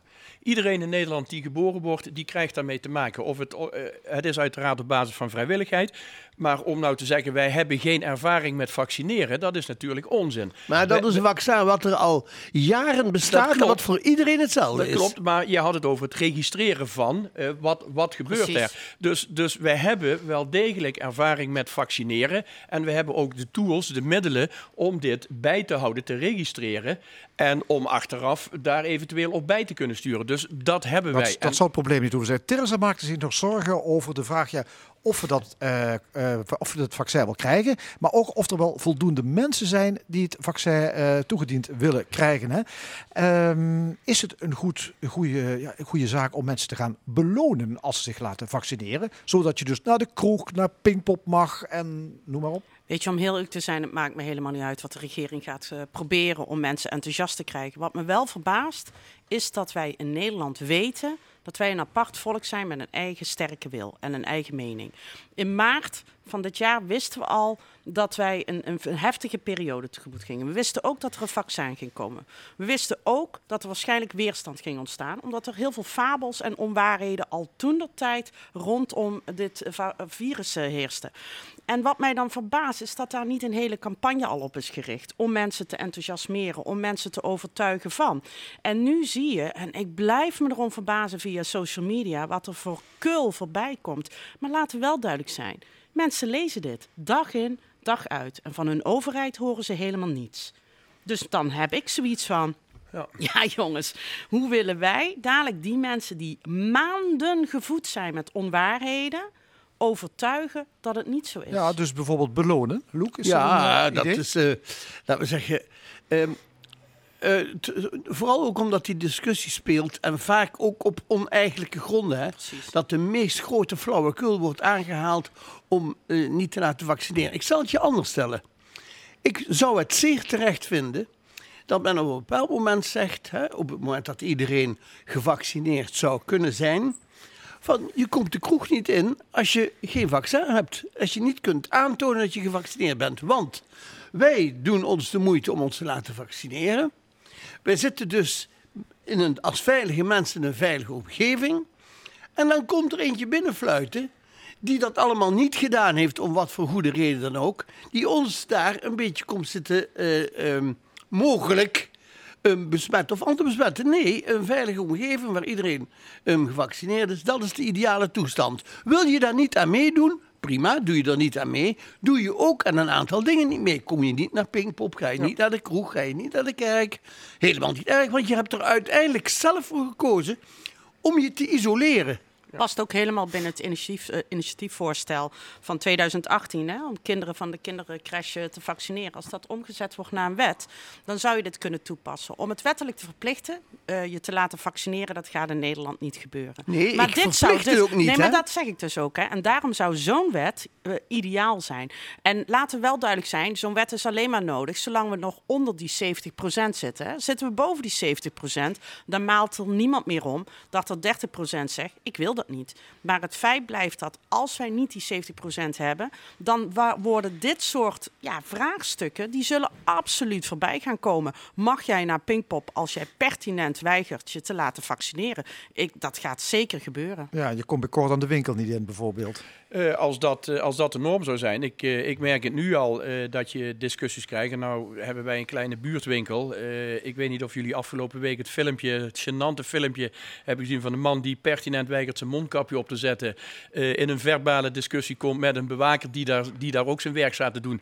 Uiteindelijk heel demonstratief op de grond gaat liggen. En die bewaker trekt hem letterlijk aan zijn poten de winkel uit. Ik denk dat we dat soort toestanden ook moeten voorkomen. Ik denk dat we wel een appel moeten doen aan het gezonde verstand eh, van, van, eh, ja, van, van de burgers, zeg maar. Je hebt natuurlijk een... een, een Je kunt wel twijfelen aan gezond verstand als mensen klopt. dat vaccin Dat- niet nemen. Ja, hè? dat klopt. Maar kijk, eh, ik denk dat het onwenselijk is om het te gaan verplichten. Maar ik ben het helemaal met Loek eens. Op het moment als jij zelf de keuze maakt om je niet te laten inenten, en een grote groep mensen wel, dan moet je daar ook bereid voor zijn om de consequenties daarvan te, te dragen. Dus niet naar Pinkpop, niet de kroeg in, et cetera, et cetera. Kijk, het enige wat me wel trouwens eh, zorgen baart in het hele verhaal. En dat heeft te maken met het, het nog steeds niet in orde hebben van het draaiboek. En ik geef jou gelijk, eh Cor, dat, dat wij natuurlijk eigenlijk al structuren hebben die dat zouden moeten kunnen bedekken. Maar het blijft me verbazen dat wij eigenlijk in de wetenschap dat er absoluut dit soort virussen vaker zullen gaan komen. Mhm. We hebben nu al nieuwe varianten. Ik wil een draaiboek en een systeem die eraan gekoppeld wordt om ons te beschermen. Ook voor het volgende aanval, dat ik niet dit trucje constant opnieuw moet gaan Rob, doen. Rob Beusen, de oud-directeur GGD, die zegt... we hebben in 2009 de Mexicaanse griep gehad. En in die periode had je dus ook te maken met een vaccinatieprogramma... waarbij ook dus twee keer eh, ingeënt moest worden. Eh, toen de tijd is gekozen om het leger bijvoorbeeld in te zetten. Nou, we hebben best practices, dus gebruik die dingen ook. Ja, want wat mij, we hebben het nu over vaccineren en is op tijd. En, en, ehm, wat er nu gebeurd is met, dat, eh, met die nieuwe vuiligheid die ze daar in Engeland ontdekt hebben. Ehm, dus Nederland heeft ehm, zijn luchthavens al gesloten voor vliegtuigen. Mutatie van het eh, coronavirus. Ja, basis van het coronavirus. Ehm, België, ehm, daar kom je überhaupt, als je uit Engeland komt, dan niet meer in. Hè? Niet met de boot en niet met het vliegtuig en niet met de trein.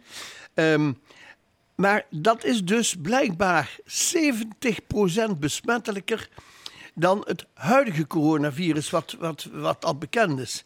De vraag is of die vaccins die we nu ontwikkeld hebben voldoende sterk zullen zijn om ook daar tegen bestand te zijn. Dus ik maak me verschrikkelijk grote zorgen hoor. We zijn van die ellende en die vuiligheid nog niet af. Maar dit is precies wat ik heb over dat draaiboek. En dat draaiboek, dat springt dus in op de wetenschap dat dit soort virussen muteren en dus anders eh, zich gaan gedragen. Dat weten we al. En we weten dus ook dat er naast deze variant weer een andere variant gaat opkomen. En een draaiboek moet daar eigenlijk op participeren. De wetenschap dat je dus gewoon eigenlijk iets op de plank hebt liggen van hoe ga ik elke keer ermee om? En hoe krijgen we bijvoorbeeld een versnelling? Maar vooral, hoe zorgen we dat vaccins sneller bij de mensen komen? Regeren is vooruitziende. Heel goed, Loek.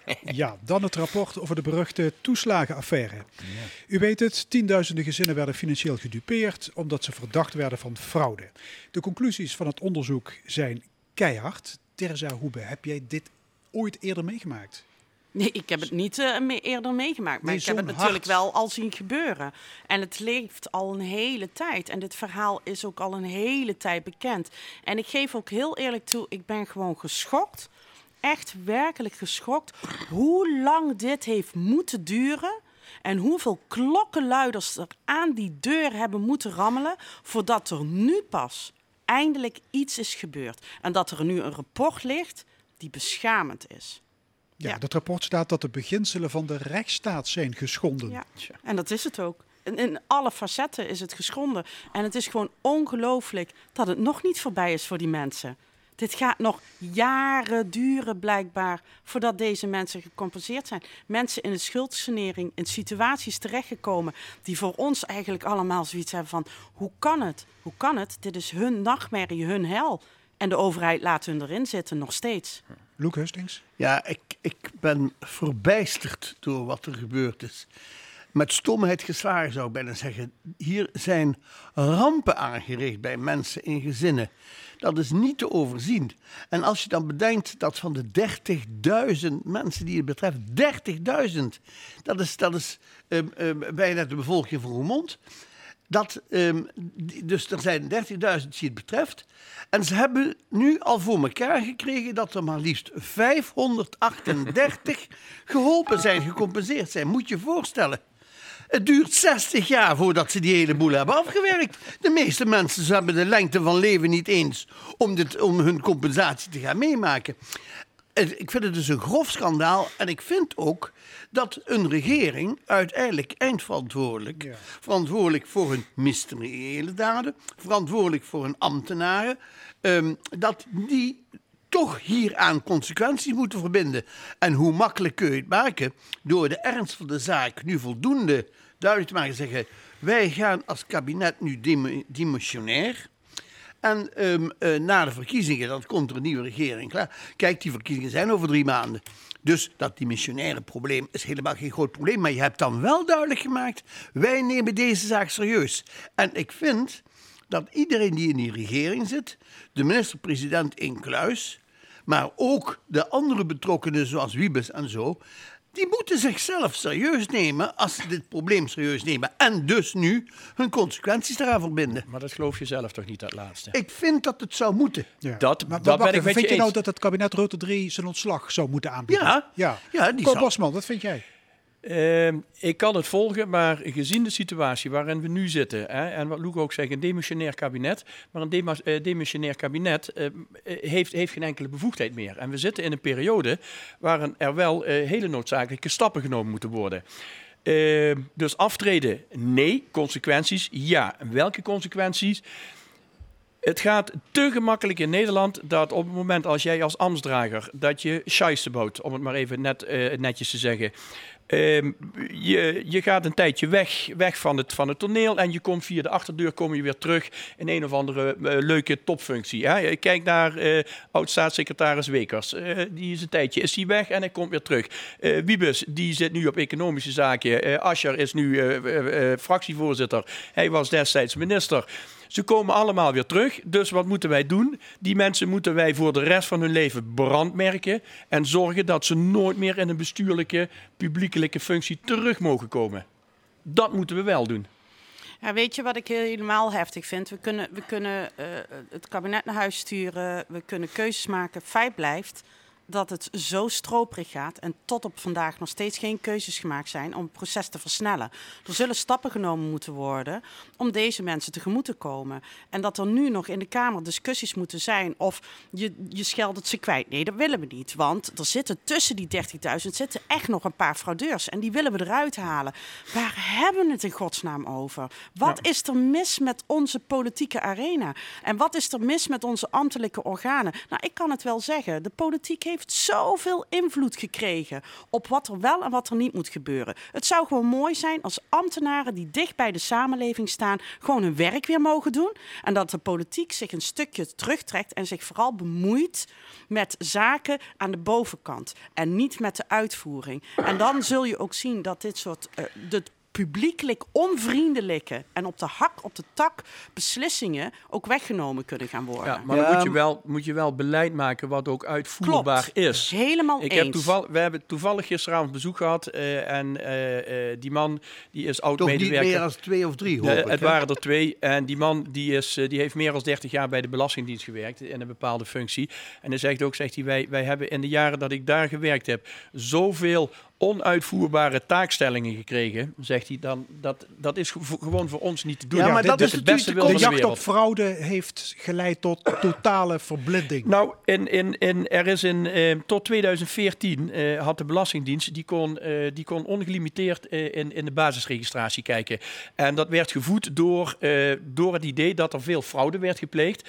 En dat, dat gebeurde ook. Eh een van die dingen is de dubbele nationaliteit. En er is toen echt gefocust op mensen met een dubbele nationaliteit. Die moeten we dubbel gaan controleren.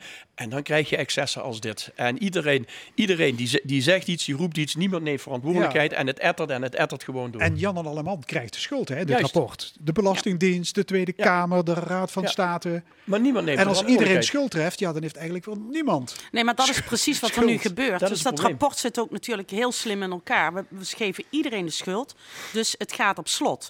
En de situatie in Nederland is eh, op dit moment zo dat iedereen dan ook zegt... ja, maar we lopen nu zoveel gevaar als we iedereen naar huis sturen. Onderaan de streep, er gaat niks gebeuren. Iedereen zit waar hij blijft zitten. Maar deze mensen zitten en blijven in hun hel. We gaan naar een ander onderwerp. Er komt een eh, parlementaire enquête van Provinciale Staten naar de mogelijke schijn van belangenverstrengeling van CDA-gedeputeerde Ger Koopmans.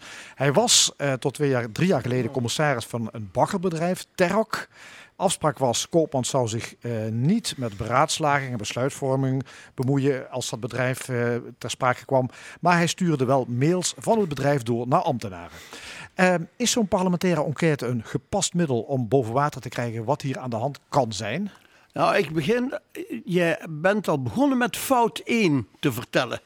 Hij zou niet deelnemen aan de besluitvorming. Op het moment dat je niet wenst of kunt deelnemen aan de besluitvorming, is er dus iets mis. Dat betekent dat je of je commissariaat moet neerleggen per direct, of dat je niet geschikt bent om in die functie te functioneren. Daarmee is volgens mij het antwoord al gegeven op deze kwestie. En als je dan toch instapt in die politieke, eh, in, in, in die be- bestuursfunctie. En je hebt je ehm, commissariaat niet neergelegd. Ja, dan is het natuurlijk dodelijk als je dan mails gaat zitten doorsturen. Want wat denk je dat er gebeurt? Je moet, je moet zo'n zo'n zo'n bewindspersoon toch zien als een soort van baasje. Ja, wat- binnen zijn, eh, zei, binnen ik zijn alle, alle mails die ik krijg, stuur ik altijd door Ja, naar de dag, betreffende maar je begrijpt natuurlijk dat als er een mail doorgestuurd wordt... het komt bij een ambtenaar terecht van de deputé zelf... dat daar toch ineens heel anders naar gekeken wordt... dan de, dan de zee aan informatie en mails die die mensen binnenkrijgen. Dus hier, dit zit gewoon fout. En is, we hoeven daar helemaal, we hoeven daar hebben er helemaal We zijn- geen we zijn zo parlementaire klaar. enquête Ja. voor nodig. Ja. Het is Dus het feit klaar. dat je zegt, ik doe niet mee aan de besluitvorming. Ja, hier zitten twee je- oud-statenleden aan tafel. Eh, hoe is het mogelijk dat dit dan, eh, als het zo zonneklaar is zoals Luc stelt, hoe, Luc stelt, hoe is dan mogelijk dat dit niet gewoon meteen is opgemerkt eh, toen Koopmans aantrad? Nou, ik weet nog, in de tijd dat uh, Koopmans gedeputeerde werd, eh, toen zat ik zelf in de Staten. En eh, voorafgaand aan de vergadering vraag ik eh, aan, de, aan de voorzitter, de, eh, in deze de, eh, de gouverneur. Eh, ik heb een aantal vragen omtrent de heer Koopmans, omtrent zijn benoeming. Nee, die mogen niet gesteld worden, want de procedure is, hij moet eerst benoemd worden en vervolgens kun jij vragen stellen. Waar we nu mee te maken hebben is, en ik heb het net ook in de kolom van eh, Jos, eh, Jos Wers gehoord, eh, ja, het CDA roers als, eh, als van oudsher. De, eh, ze, ze wanen zichzelf untouchable. Wat Luc ook zegt van, en, en, en het, het, het krantenartikeltje, de schijn van belangenverstrengeling. Eh, ik vind hier ook een zeer dubieuze rol. Wat schijn? Hoezo schijn? Nee, het- ik, ik citeer even het, het, Ja, ja, het, nee, het, maar het de- de krantartikel. vraag, Maar, maar, je, je mocht er geen vraag over stellen, Nee, ik pas toen Koopmans benoemd werd, maar toen ben je er dus niet op teruggekomen. Nee, want dan heeft hij geen nut, want dan is hij al benoemd. Ja. Dan, want dan zou je dus op dat moment zou je dus weer een procedure moeten opstarten om hem eruit te gaan krijgen. Eh, ik had twee vragen. Eén was, eh, was, was zijn, zijn, zijn, zijn, zijn nevenwerkzaamheden. Dat was één. Maar meneer Koopmans, die heeft, eh, eh, hij is in 2014 volgens mij is hij benoemd. Eh, het jaar daarvoor of twee jaar daarvoor heeft hij ooit een keer in een radioprogramma eh, heeft hij hardop geroepen van... Nou, ik vind het helemaal niet erg om een keer een leugentje om eigen be- eh, bestwil te doen. Nou, ik denk dat hij vol zit met leugentjes om eigen bestwil. Ja, Teresa, hoe kijk jij ernaar? Nou ja, ik denk dat het goed is in deze hele situatie met vragen die rondom deze persoon blijven hangen, dat het helemaal niet verkeerd is zo'n onderzoek te doen. En ja, het zal eruit komen, eh, al dan niet, of, of hij eh, zich hier aan schuldig heeft gemaakt. Maar Want dit gaat niet werken hè, Nee, op maar deze Koopmans, manier. Koopmans is toch gepokt en gemazeld in de politiek, in het bestuur. Waarom heeft hij dat commissariaat behouden? Hij kon toch aanvoelen dat het niet kan? Ik kan het jou niet vertellen. Kijk, iedereen heeft daar zijn mening over en zijn ideeën over. Hij heeft de keuze gemaakt om eh, niet om eh, eruit te gaan. En dit is de consequentie dat er nu een Nou, onderzoek hij, gaat hij komen. heeft, ik, ik kan jou wel antwoord geven. Sommige mensen die wanen zich zo onaantastbaar. En ze worden ook door het systeem, eh, wordt, dat, wordt dat gewoon gevoed. Eh, en ik, ik, ik, nogmaals, ook de rol van Bovens, die is wederom dubieus. Eh, eh, eh, hij, hij, hij betrekt zijn eigen, zijn eigen handelswijze, betrekt hij er ook weer bij, omdat hij er niet in slaagt om als hoeder van de integriteit om dit soort dingen te voorkomen. Nee, hij bedoelt eigenlijk te zeggen van shit, nou hebben we weer iets aan de broek hangen wat we eigenlijk wel in stand willen houden, maar waar we niet goed op hebben geanticipeerd. Dus met andere woorden, we hebben het niet goed genoeg onder de muts kunnen houden. En dat is precies waarom Koopmans ook eh, heeft gedaan wat hij heeft gedaan. Punt. En eh, een andere, die was voor, voor, voor veel minder, was hij al veel harder afgestraft geworden. Ja, hoe, Punt. hoe gaat dit aflopen met Koopmans? Hij moet opstappen, punt. Ja, ik denk dat, ehm, laten we zeggen, kijk, er is nu besloten om die parlementaire enquête te gaan doen. Nou, wacht daar dan de uitkomst ook van af. Precies. Maar ik, als je heel principieel in die zaak gaat, hè, met het simpele voorbeeld wat ik jullie net gegeven heb, als je als bestuurder niet kunt meedoen aan besturen, omdat je ehm, belangen verstrengeld hebt, ja, dan ben je dus niet geschikt om dat te doen. Ja. En ik praat niet over de persoon. Ik praat me, het gaat me hier alleen maar om het algemeen principe. iets, ja. Ja. Ja. Ja, geen eh, nachtmissen dit jaar. Eh, vanwege corona heeft de katholieke kerk ze allemaal geschrapt. Voor, voor wie van jullie is de heilige mis op kerstavond vaste prik? Al heel lang niet meer, maar ik kan me voorstellen voor heel veel mensen wel. Nee, ik- voor mij is het ook geen boodschap. Ehm, maar ik vind wel, ik vind- heb je gehoord van het initiatief in Wiegen?